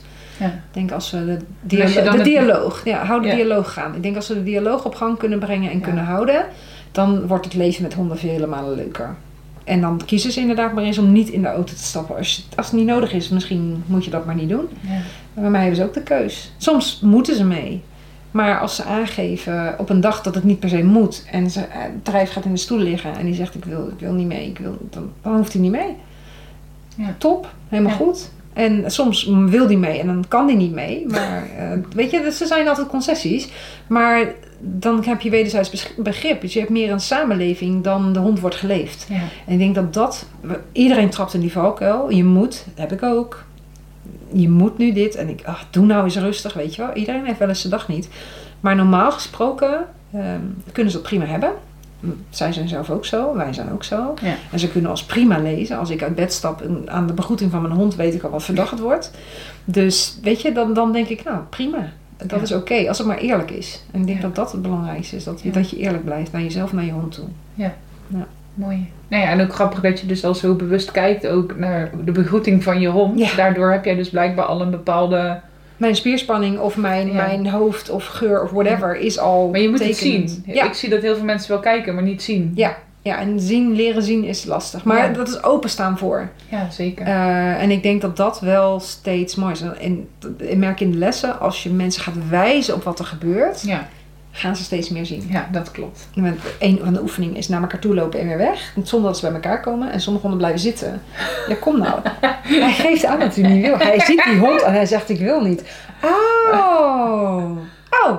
Dus als de andere kant op loopt, loopt hij waarschijnlijk wel mee. Dus probeer dat maar. En dan loopt hij heel vrolijk Ja, mee. mooi. Oh, hij vond die hond gewoon ze niet leuk. met elkaar. Precies. En dat, dat krijg je die bewustwording. Ja, en leuk. luisteren naar elkaar. Ja, leuk. En dan kunnen ze ook een potje breken. Dat als het een keer wel moet, dan gaat die Ja. echt wel mee. Ja, als dat gewoon zo is. Precies. Ja, en dat maakt het. eh, en mensen zijn er ook super blij mee. Die, dan krijg je na de volgende week het verhaal. Ja, dit en dat en zus. En eh, ja, zijn we toch maar aan de andere kant. Of zijn we toch maar thuis gebleven. Want ja, eh, hij, hij gaf heel duidelijk aan dat hij niet wilde. Ja, super. Ja. Geweldig toch? Denk, Nou, als dat zeker. zo kan. Dan ga je eigenlijk je hond in gevangenschap. Hè? Dat, ja, dat is het ja, toch? dat is het. Ja, Toch een bepaalde keuze geven. wat ze precies. volgens mij tegenwoordig ook wel in de dierentuinen en zo gaan absoluut. proberen. Ja, ja, sommige dingen moeten, maar Ja. je kunt ze daar binnen keus geven. Ja. En dat, ik denk dat dat het mooiste is wat er bestaat. Ja, om ze iets meer die vrijheid te geven. Dat, eh, de- we- daarom in de zomer, kijk, hier kan de deur in de zomer de hele dag open. Ze kunnen kiezen of ze naar binnen of naar buiten gaan. ja, heerlijk. En dat is, vind ik wel heel erg fijn. Eh, want, en 9 van 10 keer liggen ze aan je voeten. Ja. Maar een andere dag dan zie je ze helemaal niet. Dan liggen ze gewoon in de verste hoeken Ja. van... eh, dat is echt denken van, nou, ik ga niet bij jou liggen. Echt andere behoeftes. Hè? Echt andere behoeftes. Ja. Ligt aan de dag, ligt aan het weer, ligt aan hun eigen gesteldheid. Of aan hoe ze zich intern voelen. Ja, ik weet het niet. En, eh, oh, en nog een tip. Als je het nieuwe boek van Frans de Waal nog niet hebt gelezen. Doen. Doen. Ik heb hem al. Ik had hem ook gescoord. is zo goed. Ja. En daar gaat ook weer dat stukje emoties en, en, en inderdaad die interactie. Hey, eh, waar kunnen mensen jou vinden? Heel makkelijk, samturner.nl. Oh, Eh, als het gaat om professionals, dus als je trainer bent, ga naar samturner.nl. Het is Engels en Nederlands. Ehm, en Pulse for Fun, als je hondenbegeleider bent, je hebt een nieuw pup of je hebt een puber en whatever, pulseforfun.nl. Oké, en social media ben je actief? Eh, Gaat weer hopelijk actiever worden. Normaal gesproken ben ik heel actief, maar de afgelopen maanden is het wat minder, eh, meer ruimte nodig gehad. Dus ja, ehm eh Pulse for Fun 1 is het. Want volgens mij is Pulse for Fun zit je ergens in Australië. Oh. Dus volgens mij is Pulse for Fun 1, eh, dan wint je hem. Het is gewoon het logo. En eh, Sam Turner Balanced Dogs is de Engelse. En Sam Turner, dan krijg je ook wel privé en meningen en zo. en die andere twee zijn echt meer vanuit de hond gericht. Ja, superleuk. Maar op, ehm, eh, ik deel dus inderdaad dan tegenwoordig wel eens op mijn eigen pagina Sam Turner. Deel ik dan wel eens zoiets als er een parasol is voor koeien. En dan komt er een hele discussie over intensieve houderij. Die kap ik wel af. Ehm, maar dat soort meningen krijg je dan ook langs. Als je die niet wilt, moet je dan niet daar moet zijn. je niet daar zijn. Dan ga naar Sam Turner Balanced Dogs en eh Post for Fun. Dat is de, ja. En de agenda, waar kunnen mensen jou de komende We staan tijd- op de sites, maar alles is vol. Oké. Dus je hoeft er niet naar te kijken. En waar kunnen ze je boek kopen? Eh, kan ook via de website, Fun. Ehm postforfun.nl en samturner.nl. Op allebei kun je de boeken kopen. Eh, dan stuur ik het naar je op. Dan krijg je hem ook met handtekening als je dat wil. Eh, en, maar je kunt hem eigenlijk overal krijgen. Kan ook bij Bol. Maar als je auteurs een plezier wil doen, bestel bij de auteur zelf. Want dan houden we er net iets meer aan over. Oké. Dat is, een dat is wel een bedelbrief. nee, maar dat, dat is dat. Maar het kan via de website. En als je bij Martine Burgers komt, Martine heeft ze ook liggen. Via Nature heeft ze ook liggen. Dus je kunt ze op best wel veel plekken krijgen. Nou, super. Ik wil je super bedanken Jij ook. voor het leuke leuk. gesprek. Ja, En dan eh, ga ik hem uitzetten. helemaal goed. Oké.